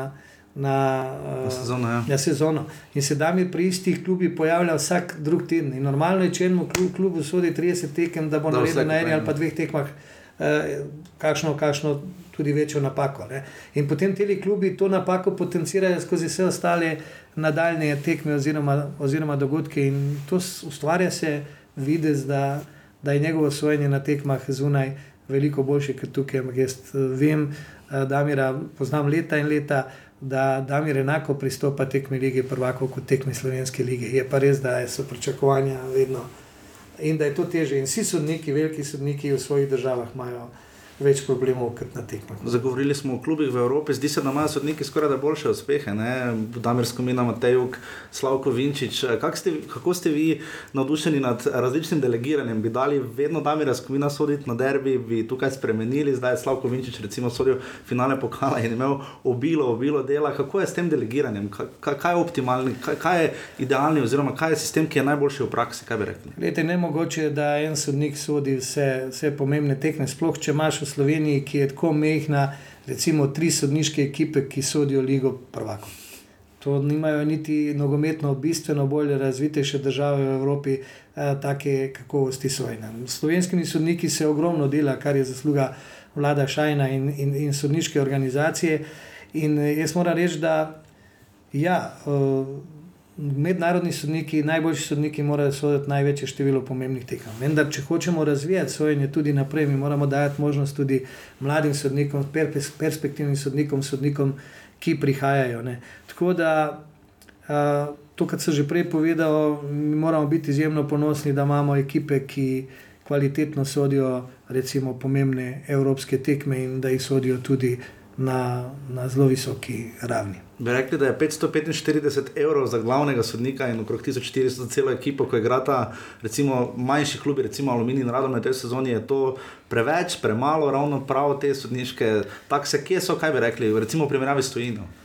Če primerjamo, to smo počeli tudi v preteklosti, če primerjamo uh, takse slovenskih sodnikov prve lige z uh, uh, okoljem, potem so to mizerni zneski. Ne. Če jih primerjamo recimo z, z sosednjimi državami, z Avstrijo, z Mačarsko, celo s Hrvaško, če seštejemo vse stroške, da pa recimo, kaj ste Norveško, Finsko, Nizozemsko, uh, pustimo velike države. To so neprimerno nižji zneski. Če pa govorimo o okolju uh, in, in uh, sojenju in splošni gospodarski situaciji v Sloveniji, bi jaz rekel, da je to neka, neka korektna vrednost, uh, ker javnost niti približno ne ve, kaj se sodnik mora narediti ne, in koliko se mora pripravljati, da pride do nivoja prve lige. In spet to prvo ligo sodi samo omejeno število sodnikov. Tako da mislim, da pri proračunu, ki govorimo o proračunu minimalnem, o katerem smo govorili med 500 in, in 700 tisoč evrov, da, da, da nekako uh, preživiš prvo ligo, da 1400 evrov bruto na tekmo za, za, za eno tekmo, pa če govorimo, da je polovico od 36 igrač doma, da to predstavlja 2 do 3 odstotke proračuna klubov in da to niti, ali, ali, ali mogoče celo manj, da, da to sigurno ni in ne bi smel biti problem ukvarjanja z. Visoko ceno, visoko ceno teh stroškov, govorim predvsem za, za prvo ligo. Ne. Če vem prav, ste nekaj nogometnih izkušenj nabrali tudi kar nekaj v Avstriji. Zdaj, primer Darjan Matič v Muri ali Nastja Čeh v Dravi je relativno malo, tako mladi kot starejši fanti gredo v niže, gredo v peto, avstrijsko ligo igrati. Zakaj gre, gredo tja, ne igrajo, recimo drugi lige, zakaj ima vse spet občutek, da je takšen Avstrija, to bom domače se izrazil, boljše to porihtano kot mi. Pa, to je zanimivo vprašanje. Ne? Če rečemo, da se avstrijski klubi odločajo, da v svojih uh, nižjih ligah angažirajo že uh, igralce iz drugih sredin, potem je ta zadeva postavljena na ta način, da te igralci morajo biti boljši od domačih, to je predvsem. In drugo, uh, klub plačuje tega igralca, ki je tujec, mogoče enega do dva, domači fanti pa igrajo praktično za, za veselje. Vendar ti tujci morajo biti prvo dobri nogometaši, morajo biti tudi karakterno v redu, da pašejo v te ekipe, ker sicer jih sama ekipa izvrže ven. In uh, klubi so relativno porihtani do tega, da vsi domači igrajo za, za, za guž, da rečem. Uh -huh. uh, tujce pa, ki jih vzamejo, hočejo, da so boljši od njihovih, da njihove mlade fante učijo, da jih motivirajo in da na ta način uh, mladi igralci teh klubov odraščajo in uh, nogometno odraščajo, in to je pomembno za njih. Upravljali ste tudi funkcijo delegata. Uh, kaj, kakšna je funkcija delegata, oziroma ni tako nepomembna, recimo na derbih in verjetno tudi iz vedika tistega, kar obračuna disciplinska komisija Nogometne zveze Slovenije. Kakšna je ta navezava, zneski ti niti niso tako majhni. Če sem pogledal, mislim, da samo za Marijo letos je bilo čez 90 tisoč evrov, lani 160 tisoč, to so kar relativno visoki zneski. Kako vidite ta del disciplinske komisije NZS in kam točno gre potem ta denar v skupno malho ali kaj se z njim zgodi? Kar se tiče funkcije delegata, eh, je v Sloveniji nisem opravljal, opravljal sem vlogo inštrutorja in kontrolorja Slovenija, kar se tiče pa mednarodnih tekem, upravljam to funkcijo delegata. Eh, ves eh, svet, praktično in tudi UEFA na teh mednarodnih tekem, pa se bom vrnil na Slovensko nogometno zvezo, področju sigurnosti na nogometnih tekmah podaja izjemno visok pomen. Ne. In če gledamo kazni na Evropski, kazni na Evropski nogometni zvezi, so izjemno, izjemno uh, visoke. Vendar, uh, kar se tiče slovenske nogometne lige, moram reči, da ja, res je, da, da največja kluba v državi zdaj v teh zadnjih letih plačujejo najviše zneske. Vendar to, kar se pa na tekmah dogaja, je pa nespremljivo. Ne? Ker če imamo primere, ne, da, da, da, da se na, na tribuni streljajo te rakete in ne vem kaj, in če se tak boks z, z raketam uh, nenadzorovano podrene, nevarnosti za kaj podobnega uh, tem, tem tragedijam, ki so se dogajale. So izjemno velike. Ne. In uh, gre za ena uh, obnašanja navijačev, ki niso spremljali na nogometnih stadionih. Vi ste videli tekmo izjemnega pomena na, v Cardiffu med navijači mm. Juventusa in Reala na Ligi Provakov. In nihče ne vrže niti ene dimne bombe, niti, niti ene petarde, niti strelke. Kaj je vaše stališče o bakljah? Imate tu kakšno stališče? Pa jaz eh, baklje, razen, razen tega, tega problema, da lahko kaj zagori, ne smatram kot neki grozno velik prekršek, če ne letijo na igrišče in ne ogrožajo, in ne ogrožajo igralce. Če imajo sam simbolni pomen na tribuni in da s tem ne ogrožamo ne ogrožamo sosedov, je to, ajde, še mogoče minimalno spremljivo, vendar vse drugo je nespremljivo, od topovskih udarov do metanja na igrišče, do, do petard in tako naprej, ker gre za nevarnosti, ki jih gledalci povzročajo sebi, svojim kolegom, akterjem na igrišču in vsem okoli. In govorim, da uh, zdaj. Ali so kazne previsoke, previsoke ali niso, uh, o tem se vedno da razpravljati. Vendar ključno je, da mi moramo skupaj z navijači, skupaj s klubi, skupaj z uh, državnimi inštitucijami iskati način, kako zadevo reševati. Uh, jaz bi najraje videl, da noben od klubov ne plačuje nobeni kazni. Ker nogometna zveza si ne želi tega denarja v tem smislu, da, da zaradi denarja kasira. Ja. Ker mi ta denar, kot ste vprašali, vračamo kasneje v, v, v mladinski nogometne. Ker nogometna zveza financira vse tekmovalne stroške prve slovenske eh, mladinske lige. 50% eh, stroškov in mladinske in kadetske, 50% mhm. tekmovalnih stroškov, drugi so MLSKL. Eh, vse, vse stroške tekmovanj ženskih, ženskih lig, vse stroške tekmovanj futsal, futsal tekmovanja mladih in tako naprej, vse to gre v, v, v praktično nazaj v mladinski nogomet.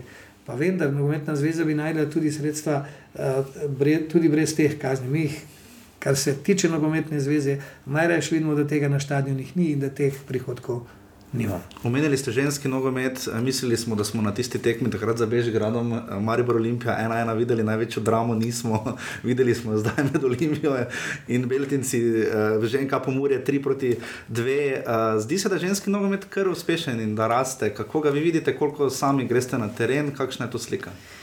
Pa ženski nogomet znotraj uh, Slovenije napreduje že kar nekaj let. Ne. Mogoče je malo neopazno v senci. Eh, prve lige in reprezentance, pa vendar. Imeli smo prvo nekaj ekip, potem smo imeli ligo, potem smo imeli ligo v 19, pa zdaj imamo ligo v 17, pa v 15 in tako naprej.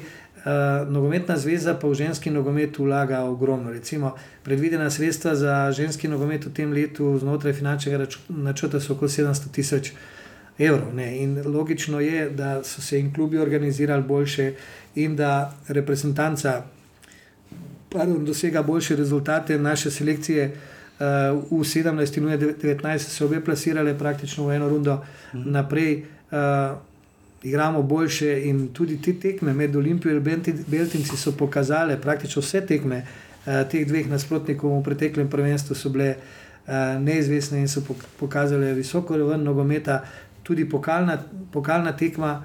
Uh, v Kopru je pokazala, kako je močna ekipa Beltincov in tudi njeni nastopi v evropskih pokalih so pokazali, da ženski nogomet v Sloveniji napreduje z velikimi koraki tudi futsal, ne čaka vas uh, velik, do, velik dogodek, ne prvenstvo doma. Uh, tukaj, uh, mislim, da mi je žiga rekel, najprej so samo tekme, so bile tudi mišljene v Mariboru, zdaj mislim, da so samo v Stožicah. Kaj pričakujete sami od tega prvenstva? Uh, pričakovanja, vse, ko sem se pogovarjal z igravci, ko smo gostili v Offsideu, so kar precejšnje. Od polnih stožic, polne stožice pa pričakujejo, seveda, dobre rezultate.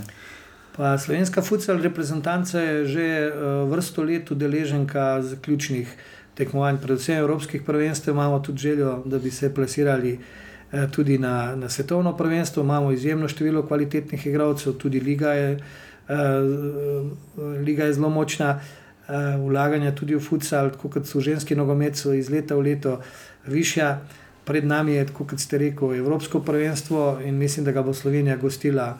Uh, zelo dobro, zakaj? Uh, v bistvu gre za organizacijski projekt v EFE, ker se prvenstva Evropska igrajo samo v eni dvorani. In kjerkoli je bilo do zdaj Evropsko prvenstvo ja. igrano samo v eni dvorani, odločitev je bila ali mogoče prej ali Ljubljana ali Stožica, ampak zaradi uh, vseh drugih infrastrukturnih kriterijev je UEFA izbrala Stožice in se bodo vse tekme igrale tukaj.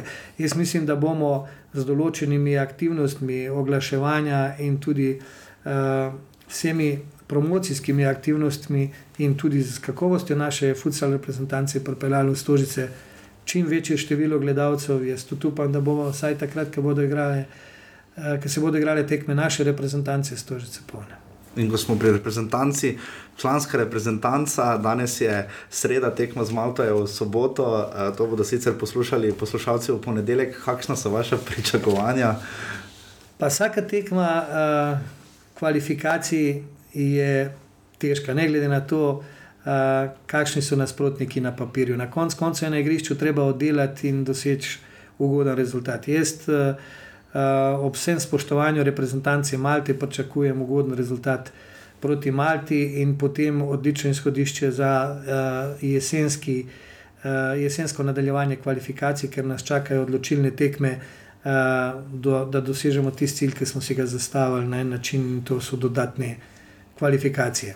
Izhodišče je v redu, imamo vse možnosti, vse je odvisno od, od uh, naših igralcev, kaj bomo na koncu dosegli. Sami ste rekli, dva produkta, glavna je MNZS, reprezentanca in prvo ligo.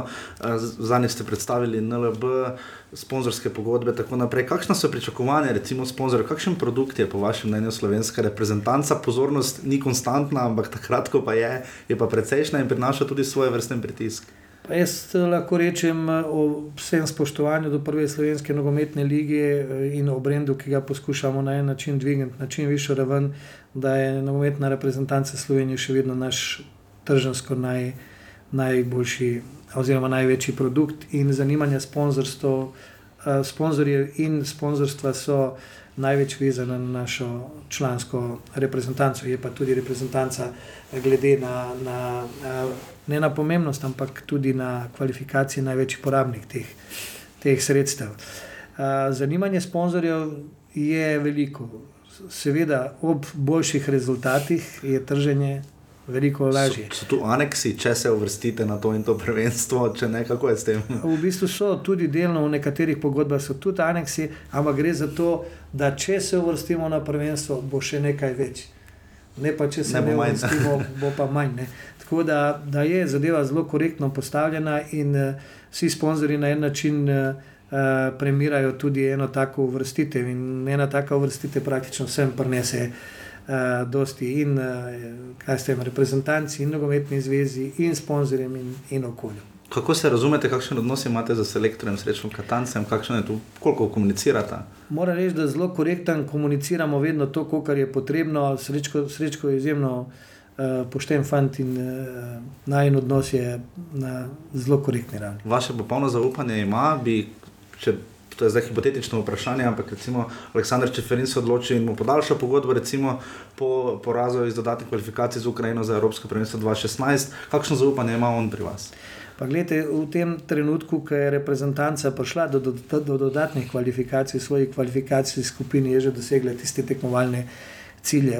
Druga tekma proti Ukrajini je pokazala izjemno veliko voljo in željo igralcev, da eh, nadoknadijo rezultati iz prve tekme. In mislim, da je bila logična poteza Aleksandra Čeferina, da mu podaljša pogodbo v tem primeru. Kako in kaj naprej bo vse odvisno in od rezultatov, in, in, in oslužitja eh, reprezentantov in, in selektorja, kar v tem trenutku je zelo v redu in ne vidim nobenih problemov s tem v zvezi. Tiskovne konference njegove si pogledate pa uh, pogledam si jih v živo. Ne? In uh, srečko je vedno zanimivo na tiskovnih konferencah. Vem, da svoje naloge, kar se tiče tiskovnih konferenc, opravlja vedno profesionalno in korektno. Zdaj, uh, se je vam zdela morda kritika tisto, da so škoti peljali na igrišče, ki ni bilo primerno, tisto, kar je selektor izjavljal ob, ob uh, razkritju seznama za tekmo z Malto. Je bila to kritika Škotske nogometne zveze, NZS-ja, kakih drugih odločitev, kaj bi rekli? Pa mislim, da, da je pomislek bil korekten, ker eh, mi, če pošljemo določene ljudi, da izberejo prizorišča in za treninge, in za tekmo, potem ta zadeva mora biti upravljena na največji možni ravni. Igrišče za trening ni bilo primerno in kritika selektorja, ne glede na to, ali gre. Na, ampak jaz to jemljem kot kritika uh, uh, nogometni zvezi, je bila korektna kako gledate vi tekme. Vem, da mi je Bojan Ban rekel, recimo, da ni morda najboljši človek, poleg katerega bi se gledala nogometna tekma, v njegovem primeru Maribora. Kako, kako vi, vi gledate recimo tekmo članske reprezentance? Ja, poskušamo stajati, kar se da, miren, vendar eh, je to vedno težko. Uh, sploh, če, uh, zadev, če, če dosežemo zadetek, če dosežemo pozitivne rezultate, je težko ostati miren in tudi težko je ostati popolnoma miren, če nam ne gre. Na kaj bi rekli, da je lahko NZS najbolj ponosen? Pa jaz moram reči, da je Nogometna zveza Slovenije stabilna organizacija, lahko je zelo. Uh, lahko je ponosna na dosežene rezultate v preteklosti, lahko je do, uh, nogo, nogomet ponosen na uh, svoje mesto v teh športnih panogah v Sloveniji in uh, tudi na igralce, uh, ki nastopajo po, po, po Evropi, uh, tudi na, na, na določene uh, naše strokovne delavce, ki delajo zunaj in dosežejo dobre rezultate. Tako da eh, vsi ti pokazatelji kažejo, da, da ukvarjanje z nogometom v Sloveniji uh, je v redu in da uh, smo, smo prepoznavni, ne glede na to, da smo mehni. So vam morda predsedniki drugih panožnih zvez, malo pod narekovaj, fauš eh, številke, tako pri tudi ženskem nogometu, kot seveda tudi uh, od dečkov, so precejšnje. Nogomet morda jemlje bazen drugim športom, košarki, odbojki, rokometu. Ne? Pa mogoče so razmišljanja, sem pa je tudi v tej smeri, da uh, je nogomet uh, porabnik kako bi rekel, malo več sredstev iz tiste pogače, o kateri smo govorili prej. Vendar moram reči, da se z ostalimi kolegi ali predsedniki drugih panožnih zvez zelo dobro razumemo, da podpiramo eni druge, iščemo uh, v odnosu do države uh, skupne poti, kako in na kakšen način razbremeniti šport uh, določenih dajatev, omogočiti mu več. In, uh, želje, želje oziroma interesi so nam skupni in poskušamo na skupni način uh, skupaj z državo poiskati možnosti, da, da šport ostane večji oziroma da, da se lažje, lažje uh, izvaja tudi naprej. In še to letos bo Evropski superpokal v Skopju, prihodne leto bo v Talinu, tam je deset sedežev, v Sloveniji so vse tri stadioni za, več, za večjo kapaciteto. Glede na to, da je predsednik Aleksandr Čeferin, je tu kakšna opcija, koliko sicer komunicirata in je eden izmed ciljev, da bi Slovenija organizirala Evropski superpokal. Pa z Aleksandrom komuniciramo eh, veliko, vendar ga ne obremenjujemo z nepomembnimi zadevami. Sigurno uh, pričakujemo, da bo tudi Slovenija gostila nekaj od teh tekmovanj, ki so nam primerna, mogoče v perspektivi tudi super pokal, vendar Aleksandra ne želimo obremenjevati s takimi zadevami zdaj le na začetku, ampak imamo kar nekaj projektov. Ki jih pripravljamo v zvezi z organizacijo pomembnih dogodkov, ki bi jih radi pripeljali v Slovenijo, in ki bomo pripravili zadeve, ne dvomim, da bo Aleksandr naredil vse, kar je v njegovi moči, da to tudi realiziramo. Gospod predsednik, najlepša hvala za pogovor. Hvala tudi vam.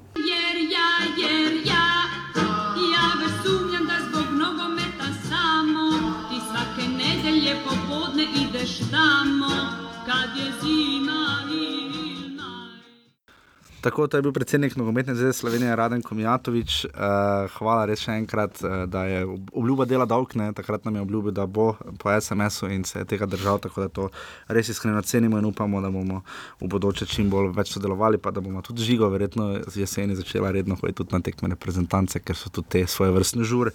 Uh, zdaj pa še drugo, kar smo vam dolžni, prav tako v organizaciji NZS-a, finale pokala Slovenije, 26. edicija, uh, Domžal Olimpija, ena proti nič, ja še bil te, na tej tekmi živo, hvala Simonu Šparovcu za res lep izlet v Koper, uh, ki je bil v zelen. Uh, tu imam jaz malo na sumu, vseeno žrepne. Uh, namreč, če, ne znam si predstavljati 1500 Ljubljančanov, pa 1500 Marivorčanov, oziroma na več. Ni bili von karavno, ni pa vizeli. Nekako tak, ja, ker uh, je res, uh, res uh, bilo spet svet 500, kot tudi v lanski sezoni. Um, ko se sprašujemo, uh, zakaj Koper imamo pomisleke, seveda, sploh če sta recimo dve ekipi, recimo tako lani Maribor in Celje, ampak pogoji, ki so tam, recimo najprej so ženske igrale, Telenk pomure, Rudar premagal zelo z naskokom, potem pa fenomenalna tekma, bravo, Maribor, mladinci, mladinski pokal ob 18. uri.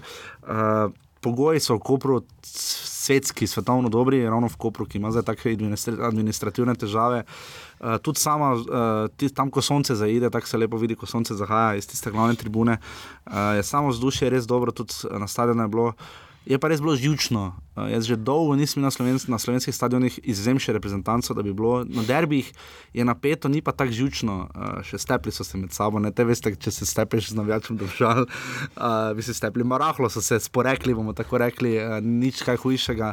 Ampak vseeno žužna tekma, uh, ki pa seveda iz Slavko Vinčič nikaj dosti pomaga, kot ste lahko slišali v vodoma, Mariborski sodnik je. Uh, jaz verjamem, da je želel najboljše skladu z smernicami OEF-e, ampak. Uh, če bi recimo Evans lahko začel v, proti Malti hitro deliti kartone in je potem malo težane, ko začel, ko je pokazal dva kartona, jih je umiril ampak vendarle uh, Olimpija je končala z devetimi um, in bi vsaj morala z osmimi, ampak, ali pa vse z devetimi. Jaz mislim, da tam je pre, prekrško Aleksandra Krecoja, Vinčič pretiraval. Tisto absolutno ni bilo za drugi rumeni karton, tisto vprašanje, če tam je jasno bilo, da je šlo na faul. Je pa res, da bi si pa vsaj rdeči kartoni še kakšno tekmo zraven prislužil Leon Benko, ker pre, najprej skomolc z kolenom v, v Miliča, potem pa obračunavanje za vsem brcanje v glavo, čelne in tako naprej jaz mislim, da to pa ne spada na igrišče. Ne glede na to, da verjamemo za, za nos Leona Benka, ki je imel dober, eh, eh, proti koncu sezone res dobro situacijo, ampak je pa vse to vsled tega, da očitno pokal Slovenije letos bil absolutno bolj zanimiv in videlo se, da vseeno obe ekipi domžale hočejo lovorike, to je vendar bil še njihov drugi naslov. Olimpija ima pa samo enega, odkar je Nova Olimpija in je bilo vzdušje res temu primerno. Kak si ti videl pokal, tokrat, ni, tokrat se ni spalo, tako so eni lani žalili. Ne, res je bila uh, žužna tekma, no, čeprav ni bila na oko. Uh, najlepša, ne najlepša, tekma. Vendar uh, to so vseeno tekme, ker so svoje lovorike, tako da se je pričakovalo, da bo Olimpija šla na nož, saj bi sistem malo rešila sezono z lovorikom. Kot Maribor, Maribor tako. Domžal je pa vseeno, so prvenstvu, je potem Rožman tudi povedal po tekmi, da prvenstvu so že pozabili malo na prvenstvo in so samo se fokusirali na finale pokala. Ampak jaz imam občutek, da je letos vseeno pokal bolj pri, večji pritisk pred celo Olimpijo, kot recimo lani Maribor, ker je bila zgodba obratna, lani Olimpija bila prvak, pa Maribor pokalni, letos pa ravno obratno. Ampak se mi je zdelo ta pritisk. Ne? Lani so recimo bili penali, pa ni bilo tako žučno. Ne? Ja, vseeno je. Tukaj je res eh, tekom sezone se zgodilo že tako toliko dogodkov v tej olimpiji, da bi to res bil malo bliž eh, in bi se malo pozabilo na vse skupaj, kaj se je dogajalo tekom sezone. No? Ker se je res veliko dogajalo, veliko je bilo tudi napisanega, povedanega, eh, tudi marsikaj izrečenega. Tako da tukaj so res nujno potrebovali lo, lovoriko, da malo podkrepijo z nekimi lovorikami te svoje besede. No. 3200 gledalcev se je zbralo na Bonifiki, to je drugi najboljši obisk v zgodovini finala Pohala Slovenije, največji je bil, mislim, tisti Gorica Maribor, 3500 pred mislim, tremi sezonami. Um, kaj reči, domžal, domžal, domžal niso bila najbolj uh, prijazna, bomo tako zastavila v zadnjih krogih uh, državnega prvenstva, ampak vendarle je tukaj Simon Rožman sestavil točno takšno postavo, s katerimi so domžale dosegale največje uspehe in zdaj vidimo, da lahko resno konkurirajo in je to tudi dobra napoved za Evropo, vidimo tudi, da se krepijo, ne prišel Tilen Klemenčič, ne pa Lauro Bizjak iz Aluminija. To so, te, to so te okrepitve, ki jih domžale znajo tako neopazno spraviti mimo in potem imajo res postavo, s katero so res zatrli kakršno koli igro Olimpije, ki je bila v napadu popolnoma brez oba. Strinjava se verjetno Slavko Vinčič vpliva na tekmo. Odločila je pa nepotentnost Olimpije. Ne. Ja, tukaj eh, pred tekmo sem dvomil, da so domžale sposobne odigrati malo drugače od svoje filozofije, filozofije, ki je bolj napadalno usmerjena, da imamo žogo posesti in podobno, kar smo gledali tekom prvenstva. Vendar eh, ta tekma je dokazala meni nasprotno, no, da so vseeno sposobni igrati tudi kdaj na rezultat, eh, pozabiti na lepoto igre. In uh, vseeno so se v tej tekmi spomnili, da se nogomet igra za lovorike, in včasih uh, je samo takšen nogomet uh, rešitev za neko svojo lovoriko, čeprav po večini javnosti tak, takšen nogomet ne, ne odgovarja. Ja. Tako da vendar zadeve se igra za lovorike. Zadeve Gabr dobrovolj za 61 minut. Pa ponovno pomenjavi. Pomenjavi, Kenan Bajrič vstopi na mesto Abasa in uh, tu se Olimpije res ni šlo. Uh, na koncu ena proti nič Olimpija je pritiskala, ampak z desetimi ni šlo, potem na koncu so ostali še z devetimi. Vinčič je precej izgubil nadzor tekme. Uh, Tiskovna konferenca je bila zelo zanimiva, uh, skoraj da bi vsi skupaj, kot ste poslušali, sodelavci iz ekipe, uh, izstavljali račun Gregi Hermanerju, Grega lepo zdrav, ker verjamemo, da nas posluša, uh, uh, ker so nam res polili vse opera, uh, aparature za snemanje. Uh, Uh, ampak razumemo, šampanjci se da tekajo v potokih, domžalčani so bili res veseli. Tudi njihovi navijači, ogromno jih je prišlo iz domžal, uh, res lepo videti. Uh, upamo, da bodo domžalčani lahko izkoristili to prednost, zdaj čakamo, upamo. Zadnji smo videli slike uh, z domžalskega športnega parka, je trenutno navožen na, na se samo zemlja, čakamo, da še zraste trava, upamo, da bo to položena trava in zrasla čim prej. Um, ampak v vsakem primeru res lepa tiskovna konferenca, vse pohvale Simonu Rožmanu, ki se redko slišimo. Recimo, Če primerjamo z Darkom Milaničem, um, postavil se zelo v bran uh, Safetu Hadžiču, ki je seveda že bivši trener, med drugim, med, to so pozabili povedati, Igor Bišan je postal trener Aluminije, uh, Olimpije, al, Olimpije uh, 39-letni Hrvat, uh, trener Rudeža, eno sezono prišel v prvo ligo. Uh, bomo videli, kakšne reference bodo. To meni osebno je Safeta Hadžiča nekoliko žal. Um, igralci so ga imeli zelo radi, znal je, bil je najbolj primeren trener Olimpije v danem trenutku. Uh, in Simon Rožan mu je dobro stopil v bran, rekel, da mu, da mu ga je žal. Uh, zelo zanimivo je bilo tudi to, da je Safet Hadžič iskreno povedal na vprašanje, odgovoril iskreno, ne da bi se ogibal, kar dosti krat slišimo. Povedal je, recimo, da Milana Mandariča ni bilo ne pred, ne po tekmi v slačilnico, uh, kar nekoliko tudi pove. Uh, mogoče se obada s tožbami. Mogoče ne vem, kakorkoli že. Uh, Safet Hadžič je dobro delo opravil, bil je že tretjič ali četrtič na klopi Olimpije, uh, mislim, da vse tretjič. Uh, in, uh, Upam da, upam, da najde neki angažma, še morda kje drugje, bolj trajen, ker je vendarle z Olimpijo zabeležil, mislim, da le tri poraze. Uh, kar v, skupaj s pokalnim. Ne, tako da Ja. ja. tu je absolutno iztržil, absolutno več, kot uh, smo lahko videli v Glede na to, kakšne situacije je prevzel. Ja, je tu mislim, da od, od vseh trenerjev ima zagotovo najtežje delo in absolutno največji pritisk. Ne? Mislim, da ni ga trenerja, ki bi imel takšen pritisk. Je pa zanimivo, brali smo lahko naš, gost, naš zadnji gost, Miran Srebrnič, je bil med kandidati za trenerja Olimpije. Ampak glede na to, da vidimo, kje je zdaj Luka Elzner, mislim, da se je pravilno odločil. No. Ja, tudi Ehm, vprašanje, ki bo Igor Biščan, če se mu malo. Pa ne, da bi karkoli. Ja, tu je en, ampak lahko po dveh tekmah konča zgodbo, Ja, tukaj vidimo na primeru Luka Elžnera, da po dveh slabših rezultatih uh, si tako lahko že bivši, kar pa za tako mlade trenere kot je Srebrnič uh, in tudi Biščan, vse zadnje mlad neizkušen ja. trener. Uh, To so vse manj kot recimo Tonči Ja. Žlogar, je zdaj postal trener Triglava, zanimivo si Niša Brkič je šel za direktorja kluba. Videli smo, da je Jani Žilnik postal športni direktor celja, tam še zdaj ne vedo točno, Igor Jovičevič naj bi ostal, to je nekoliko presenetljivo. Eh, Kdo bo trener Ankarana, pa to bomo oziroma še- enka bonifike. Enka Bonifika, enka Bonifika, Ankaran Hrvatini. pa imaš turnir. Ne, enka Bonifika, Ankaran Hrvatini, Koper. Ostane da torej samo še Izola in Portorož uh, kot občini na obali. Uh, skratka, um, finale pokala, torej ena proti nič, državljani so drugič prvaki. Uh, že prej je bilo jasno, da nas bodo Olimpija, Domžale in Pogorice zastopali v Evropski ligi. Vsi začnejo 29. junija, mi začnemo po prvi tekmi 3. julija, bo naslednja 86. oddaja, prva v tretji sezoni.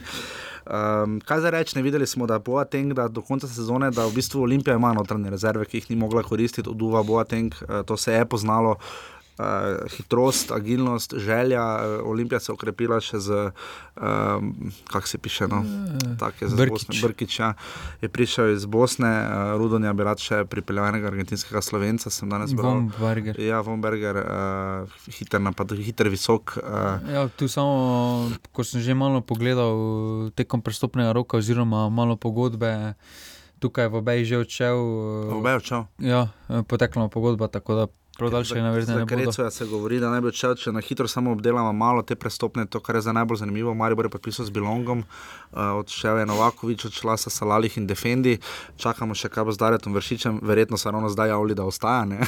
ko mi dva snemava uh, pri Pri Domžalah. Uh, so se zahvalili bračiju.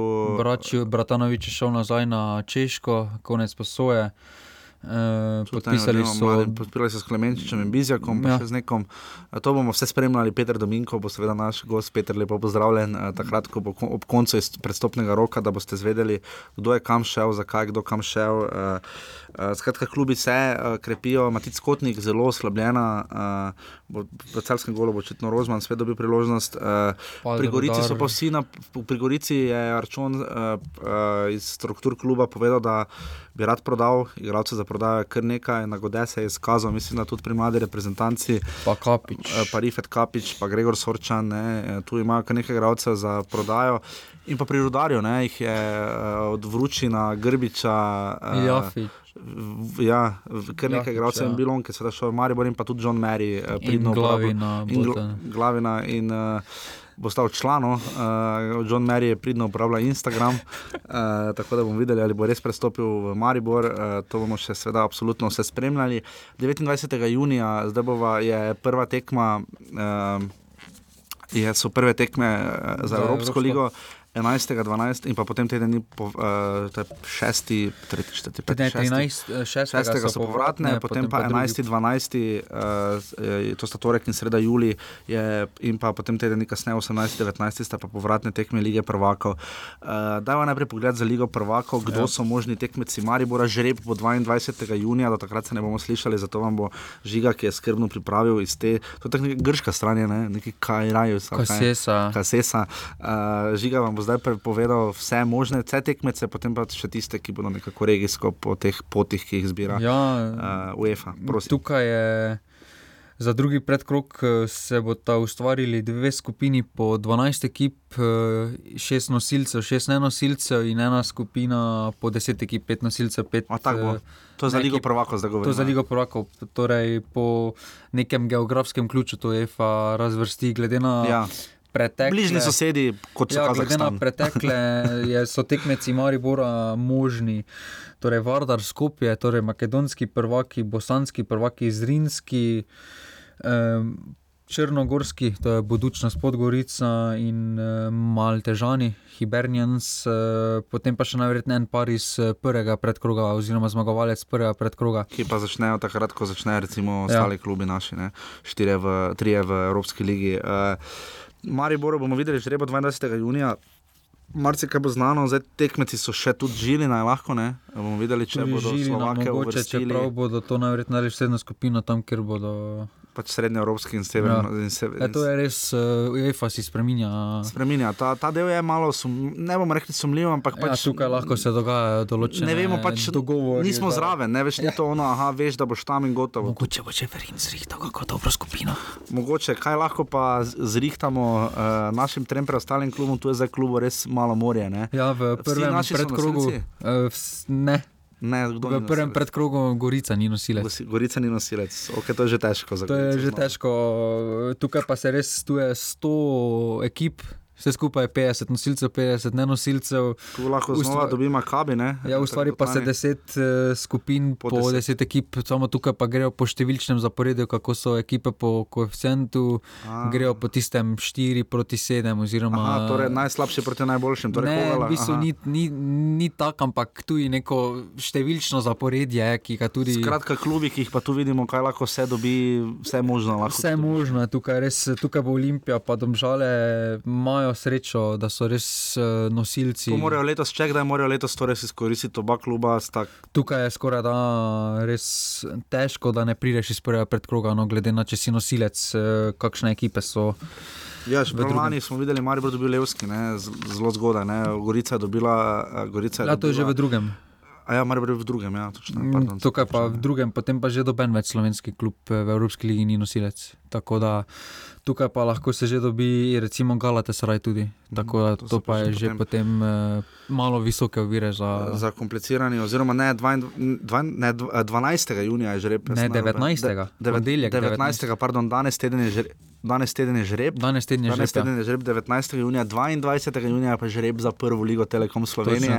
Ko bomo zvedeli, kdaj bodo na sporedu vse tekme, uh, kak bo prvi krok, se začne 15. julija, ne pozabite, uh, to je v skoledar, zdaj res sledi pauza za nogometa, ni. Uh, razen naslednji ponedeljek, torej 19. junija, bomo zvedeli, s kom bodo naše štiri. Ja, ob 12. je za Ligo prvakov, ob enih pa za... za Evropsko ligo. Uh, upamo na čim bolj ugoden žreb, na tudi malo fajn tekmece, so pa ti termini res potem hitro prije ta sezona. Mislim, da so vsi klubi že začeli z pripravami. Ja, tukaj sem tudi že pogledal, eh, recimo tukaj res naporno. No, Gorica bo imela samo tri prijateljske tekme. Ja, Marijo Borik bo imel recimo sedem. Ne, ja, in svoje, bo, že prv, bo že imela prvo tekmo in če dobijo ponovno tako makabi. Je to zelo, zelo, zelo težko, tako da držite pesti, malo po svoje tudi. Uh, lani, seveda, smo videli, da je Marijo Borik napredoval uh, preko Levskega. Aberdina in Dogabale v playoffu za Evropsko ligo. Uh, Najdaljšo pot so domžale tudi prehodile, ne, podobno, ja. ne, trikrat so šli dalje preko uh, Andore, Andore. Andore, Santa Lucia, Alhajno, pre, preko Belorusov, pa potem proti West Hamu, ne, uh, ker se je potem ustavilo Olimpija, lani spadla tako s Trenčinom, za Ligo Prvakov, Gorica pa z Makabijem. Uh, tako da res. Ja, sistem je kar zapleten, tako da če kakršno vprašanje smo na voljo. Je že predvsem žiga na voljo, žiga to dosti boljše ve, kot Jaša. Uh, to je to, kar se tiče druge sezone Oseda. Jaz mislim, da je bila zelo dolga, začeli smo jo, v bistvu skoraj da ni bilo pauze vmes, ko smo s Klemnom lani poleti to snemala, se niso vzela čisto nič. Eh, premora, ker smo še malo gledali, pa Evropsko prvenstvo je bilo tako, da smo zato ostali ja. v ritmu. Zdaj v soboto se začne pokal konfederacij, kjer, bo, uh, uh, kjer bomo prav tako imeli seveda predstavnike, da mir skomina bo delil pravico.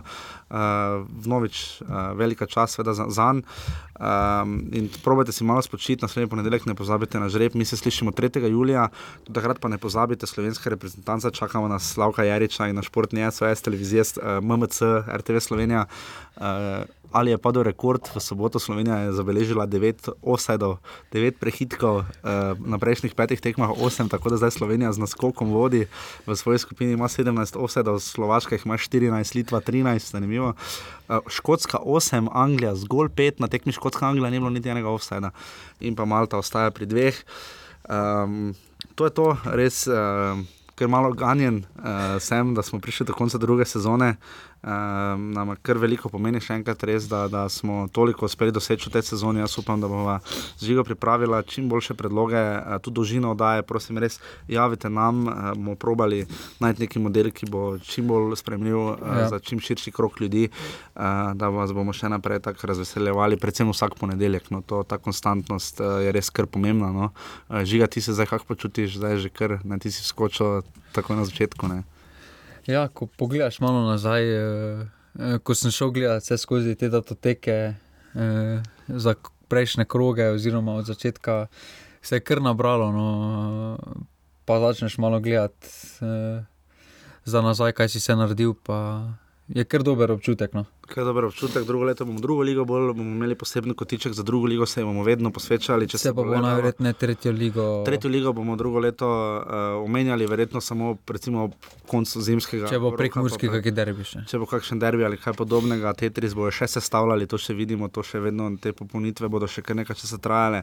Drugi ligi bomo posvečali več pozornost. Uh, želja je, da bi imeli po dva gosta, morda vsakega pod približno 10 minut. Uh, ena od idej je uh, imeti enkrat na mesec pa samo z vami, poslušalci, da bi vas bolj vključili, da vas ali pokličemo na telefon, eh, da če nam poveste svoje mnenja, Eh, da jih vključim, morda imamo intro, tako kot ga zdaj poznate, ta bo ostal, morda imamo nekje na sredi in da bi enkrat na mesec imeli potem uh, tisto oddajo, kjer bi dali besedo tudi vam, da vi seveda poveste, da, da ostanete del, neposreden del offsajda in uh, da bomo lahko to počeli še naprej. Nas seveda prosim, če se le da nas lahko podprete, drugo leto so res plani precej više zastavljeni, ker je žiga tu prinesel absolutno prepotrebno mero, uh, žige za nerodno, prepotrebno mero motivacije in energije. Tako da da uh, Neč, če se znajdete v offsetu. Si Ivo Milovanovič za mikrofonom. Si Ivo Milovanovič, uh, ki je pozabil, da obstaja ženski nogomet.